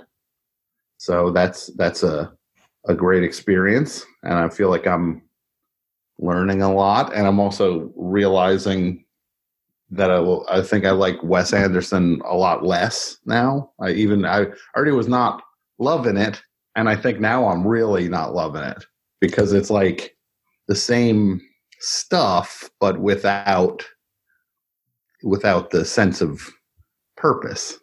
Does that make sense? Yeah. Yeah. Well, that's Is, kind of. it, is it because of the what you've seen from the from the Godard stuff, or uh, Oh yeah, I mean, look, I mean, I've seen. I have a very limited, but I do have some knowledge of just the like the French New Wave stuff, and but watching movie after movie really kind of brings it home to where you're like, oh, okay, you just lifted chunks of this stuff, but there's like the the Godard stuff is has such a point of of purpose to it, and it's really bold and I, I hate using the word brave with art, but it is for what it for what he was doing at the time, and it's just if you just kind of lift the shots, then but don't bring the um don't bring the intention, then that's a kind of an empty experience. That's that's how it's been feeling. yeah, I I know exactly what you mean. Uh, I think in, in these the the Godard, uh, you know, his first I don't know ten movies, fifteen. He's done so much, Mhm. but uh, the first ones are they're so bursting with ideas and energy and just uh, sort of a vision of cinema in a way. And Oh, yeah, so, yeah. so he just flips everything. Uh, There's a distinct purpose there, where Mhm. uh, uh, you know people who have sort of lifted things from him later on that you know inevitably almost feels like they're paying homage to him in a way, but it's sort of empty too. Yeah, exactly. It just feels like to to me, I don't know. I've always felt like if you are in if somebody is inspiring to you, it should inspire you to want to go be you more than ever, not go be them more than ever. Yes. What else did I watch? I just watched uh Long Goodbye again, which is always one of my favorites. Yeah, I haven't seen that in a, in a while. It's the best. It really is. It's it's so it's like kind of it's kind of everything at once.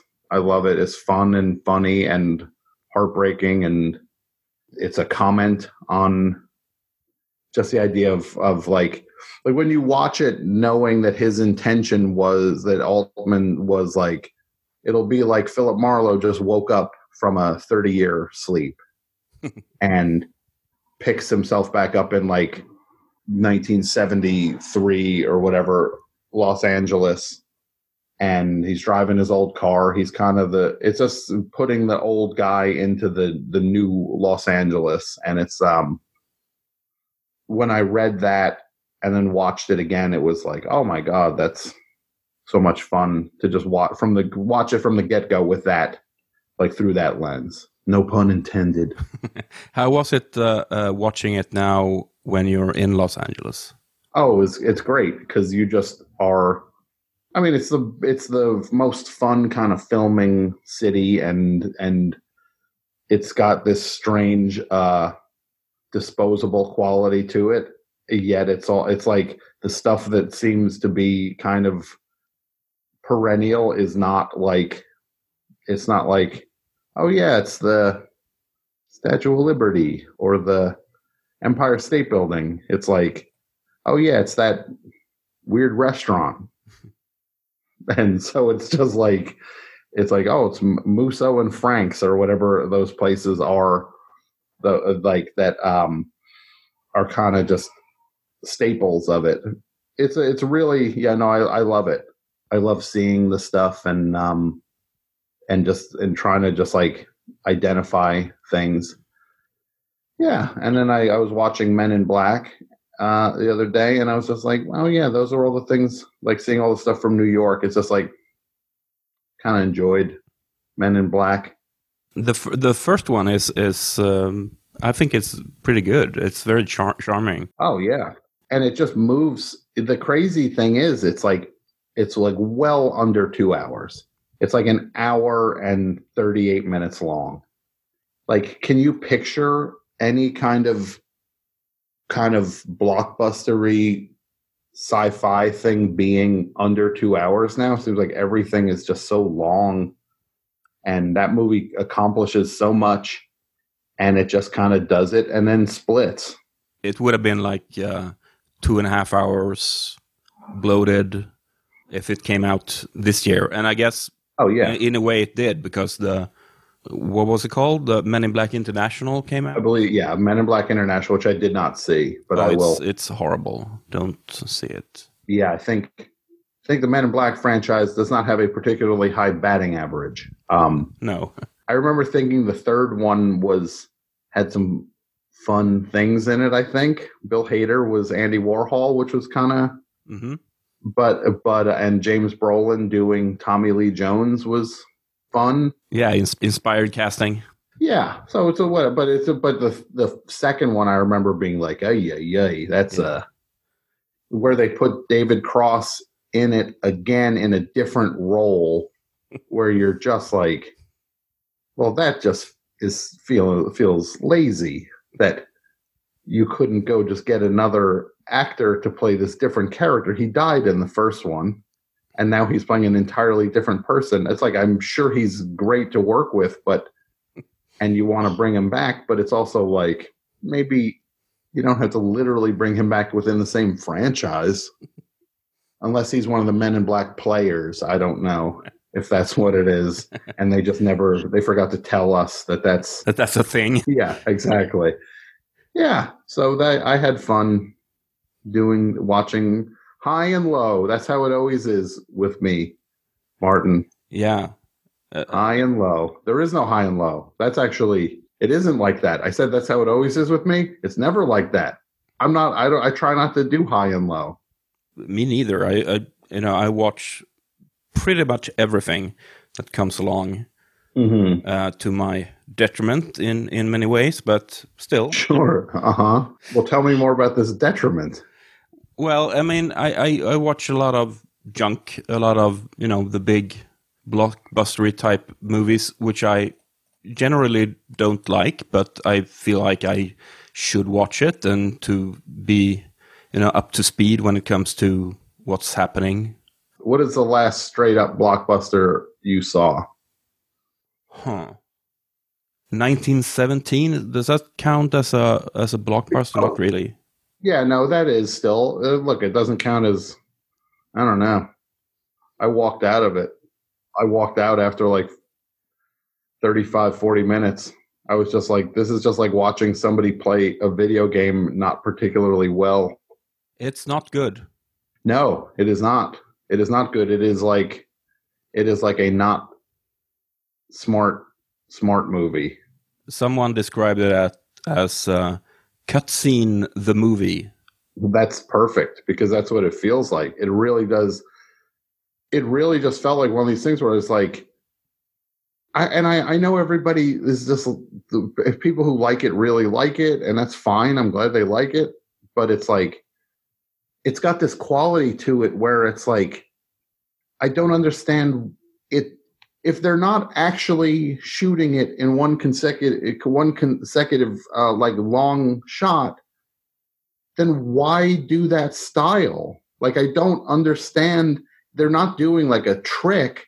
Like the whole the point of doing the point of doing it in one uninterrupted shot or a series of straight really long uninterrupted shots would be because you're pulling off a trick but you're just like replicating a trick then which i don't understand how that has any value to anyone Yes, it's a stunt that is not really even a stunt. yeah it's like if you wa- if you went to see a movie that was about like a magician and he was doing all these crazy tricks and then you're just like oh yeah but none of they didn't do any of those because they're all just they just cg'd them in later. You'd be like okay well why would i why would i want to see magic like that? Like that's not magic. Which is exactly the case with uh, Now You See Me.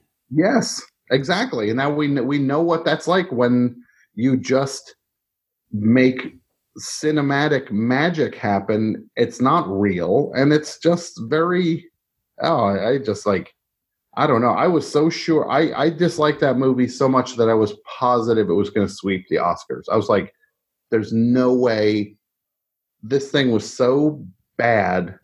It's guaranteed that it's the kind of movie that Oscar voters want, and I could not have been more surprised when uh, when Parasite ran away with uh, a bunch of what did it, he won director also right Yeah. which is crazy yeah, I, mean, was very surprised about that too because, like you, I I I thought that 1917 was all the things that generally would dazzle the Academy and Mhm. just run away with it. But uh, yeah it's a, it's as safe a play as you could imagine because it seems bold but it really for the some of the reasons we talk about it just like it it, it, it like implies boldness.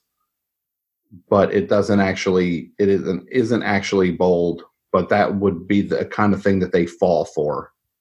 But man they they did it right between uh between him winning best director and best picture? Yikes. I i would i would have lost my shirt on that if i was betting. Um that's crazy that um i don't know. I was uh, i was also look i'm pro Safdie brothers. That's no secret. I'm in the tank with them. So i'm not gonna pretend it's just like oh i happened to see this movie that i and it's like no i they would call the best show when they were kids and that i take a certain amount of pleasure from that you know i it's just like if I, so when they got snubbed with uncut gems i was just like oh this is just going to be 1917 all the way it's probably the best thing that could happen to them is for them to get snubbed anyway it would have been weird in a way if they got a bunch of awards for for it. But Yeah, but they also they they um they get to be and rightfully so, they get to be kind of the the insulted party and everybody can everybody is on their side because of it. Because it's like, look, the Joker thing, I don't know what that was. That was that didn't do anything for me. And that's one of those movie performances where it's like he's like yeah look he's obviously great i'm not denying he's great but i don't know if that's if it's that considering he's great i don't know if it's that hard to do what he did even if you just compare th- that work to his other work, Mhm. is uh, I mean, just the, the year before in that uh, the Lynne Ramsay movie. Oh, yeah, uh, yeah. Not to mention like The Master and everything else. But Mhm. it's I mean, of course, that's you know getting back to like the Academy again. The Joker is such a that's it's a showy performance. It's uh, you know the whole you know tr- transforming the body and Mhm. sort of um, going off violently in a lot of different directions. It's just a um, sort of a hammy, big performance that people tend to uh, they eat for it some up reason like. Yeah. Yeah, yeah, and they that is one of those things where it's like I really do feel like people people can't sometimes they can't tell great performances from just big performances. And big does big big can always big can often and is often great, but but big is not a uh, a big is not e- equivalent to being great all the time. You, Yeah. yeah. I don't know. I was just like, I saw that, and then I- then like even rewatching like because everybody was like, it's like it's like Taxi Driver and King of Comedy, and it's like, yeah, it's it's horrifyingly like the like I I would be. It's like that Wes Anderson thing again. It's like I wouldn't. I would be. How could you make a thing like that and just reference these things over and over, including to the to the point where you have Robert De Niro playing a talk show host. The whole point of King of Comedy was that was him on the other side of that equation, but then like I rewatched Cape Fear, and I'm just like, yeah, see, lifted from this also. Like like that performance is is it has a lot of Cape Fear in it to me also. At least that's the way it felt. Um, Hmm. Just just the way he was just lovingly drawing everything out. De Niro just having a fun, just being this campy, campy villain, and just you know, real pulpy and just trashy, but fun and legitimately menacing. It just I don't know. That's not for me. Sounds I give I give Todd Phillips credit in some ways that he has always he's kept his thing going, man. He he he managed to find this like this kind of secret entrance into the superhero field and now made more money than like anybody makes making superhero movies. Crazy, but not for me. So, have you seen anything else in particular that you want to highlight? Any any any good things? I'm just about to watch. The other thing I'm going to watch is uh, this uh, Scorsese Criterion Scorsese thing came out this week that has like the shorts that he made that I've wanted to see. Uh, the movie Italian American. I've always wanted to see and was never able to really track it down. And uh, the Big Shave, I guess, and uh, or what? Or is it called the Big Shave? Think it's called The Big Shave. Yeah, I think there's five. There's five shorts on it. hmm I'm really uh I'm looking forward to that. That's going to be the next thing I jump into. Those that are and- really good. I think uh, I got the. Um, I think I still have the VHS of um, Scorsese shorts from sometime in the nineties. I bought. Mhm. Oh wow. Oh that's awesome. Yeah, I just I I could never for whatever reason get my hands on it and then now I got my hands on it, so look out. Italian wow. American is very charming. Yeah, I can't wait. I mean, I just love watching his mother in the movies. Uh, The other thing I was watching was um, the Scorsese Masterclass, which is do you know do you know what that is? Yes, I do. Yeah, I, I wasn't aware that he had done one of those. Yeah, he did do one, and I've watched a bunch of them, and it's like, it's like, look, I know some of some of the stuff I'm sure is not uh, a revelation that he's talking about, but just hearing him talk about process, I feel like I don't even care what field you're in. Just hearing somebody at a high level talk about process, uh, you get you should be able to get something out of it, no matter what what kind of creative stuff you're you're trying to accomplish and he's just the most to me he's the most compelling uh speaker.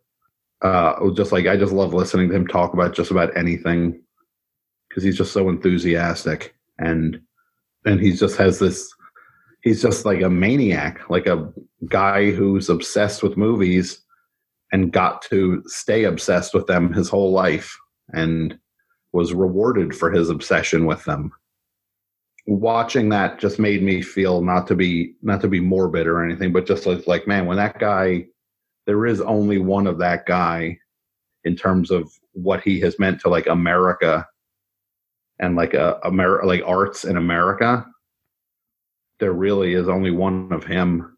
And like people will feel that absence.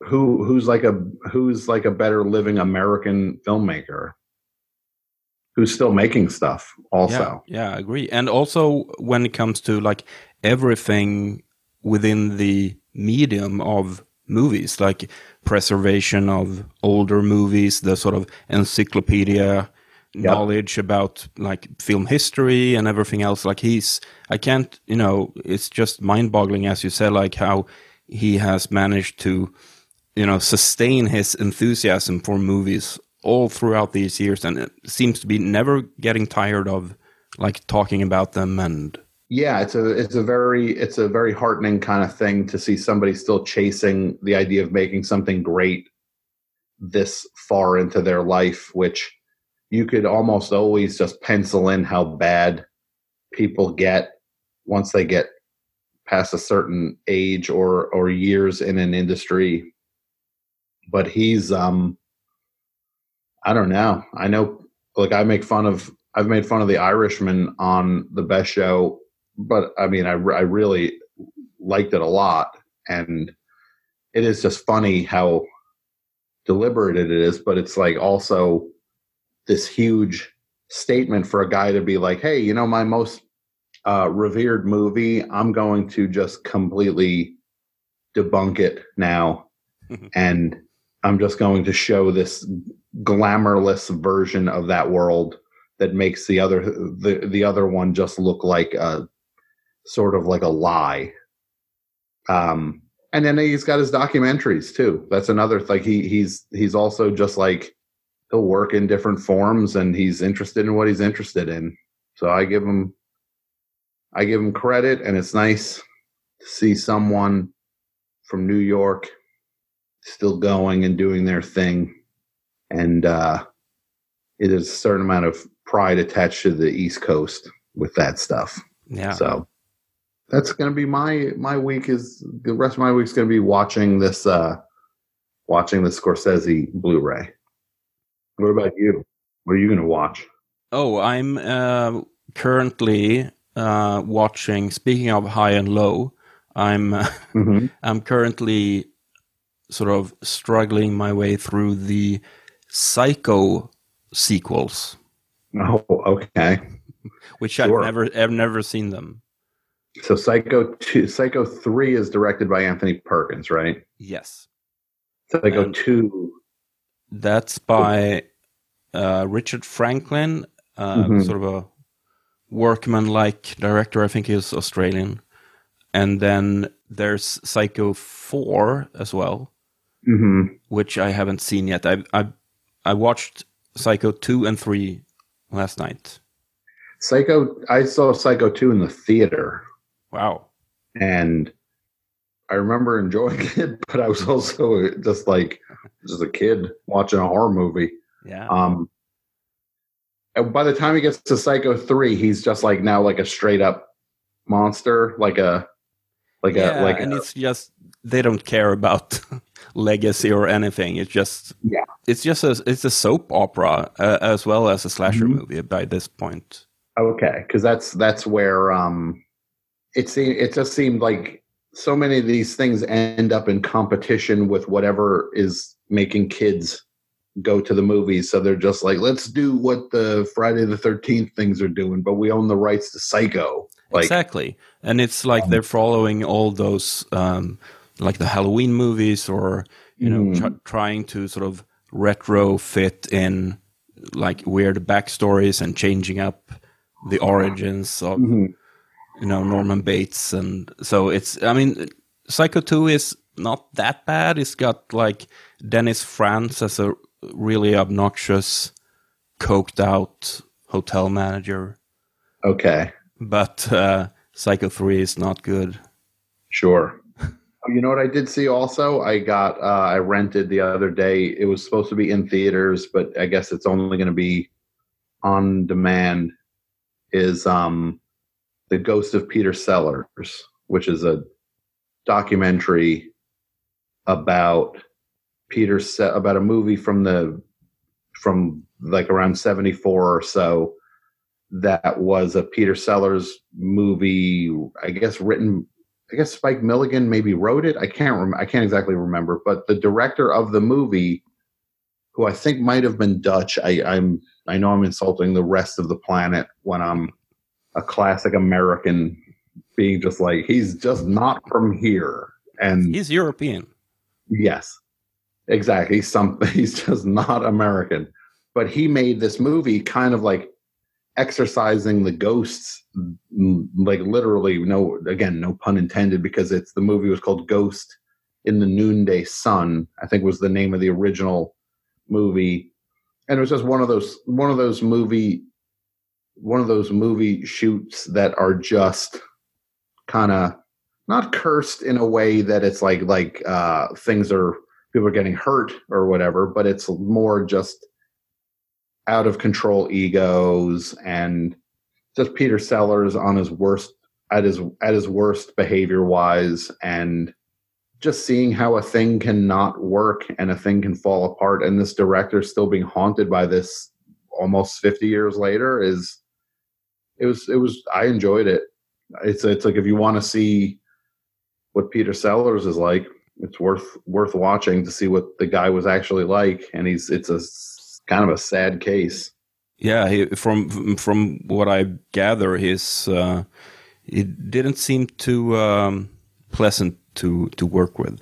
No, he seems like a straight up straight up monster sometimes and um and it's also interesting cuz when you when you you get these these people like Peter Sellers and you idolize them and then you start to go figure out what else what else did he do cuz you see Doctor Strangelove and you see Pink Panther movies or whatever like The Party which every you know and then you see this filmography that's just filled with things that just look terrible or you track them down and they're bad or they're just kind of pointless and you're just like oh okay these guys just made a lot of movies and that's how you become a famous person in a lot of ways is just the sheer volume of the things. He wasn't he didn't make seven movies. No he just made he was making three a year and they're all and a lot of them are really not good. So it was interesting to just see his career kind of starting to have a downswing also that he he didn't correct until being there. This was him sliding into that downswing but it was it's a great documentary I was gonna before we wrap this up, I was gonna again recommend the Guy Maddin uh, movie. i i am so behind on on picking it up with him because i loved uh loved my winnipeg and then saddest music in the world is that what it's called um yeah I, I really like everything i've seen and i just need to and then you had recommended a recent one that was like a, a, a kind of works off the theme of vertigo is that what it Yes, uh, it's called the Green Fog. They sort of reconstruct uh, Vertigo by using clips from other movies taking place in San Francisco, which seems like it sounds like a an you know an an experiment in in editing, which I guess Sure. it is in a way, but it's also super funny. It's got all his trademark like offbeat humor and. Uh, uh, it's just and also kind of a, a love letter to uh, movies as well because it's just um, you, you recognize all these clips from movies and there's tons you don't recognize and you get intrigued by and uh, it's just uh, great and it's like an hour long Oh, I can't wait. I'm definitely, I'm definitely gonna watch that. That I, I, I wanted to, and then like so many things got away from me. Now it will not get away from me. Cool. I list when you tell me to watch something, Martin, I watch it. Might not be right away, but I watch it. well tom i've been taking up way too much of your time thank you again so much for doing this Well, thank you, Marnus. I'm glad it was very nice to talk to you and catch up. I'm glad you're doing well. The idea came to do this 17th century pirate comedy. A film starring Peter Sellers. He was the greatest comic actor in the world. But very difficult. I'm not difficult at all. Very, very, very difficult. That was a clip from the trailer for The Ghost of Peter Sellers. And uh, that's about it. If you've uh, listened this far, I thank you. And I also thank all my guests Julie, Pat, Puloma, Rob, Jon, and Tom. If you want to say something nice about the pod, do hit me up on Twitter. I'm at Degrell, D E G R E L L or on Instagram, where I'm M Degrell. This is Martin Degrell signing off. Bye.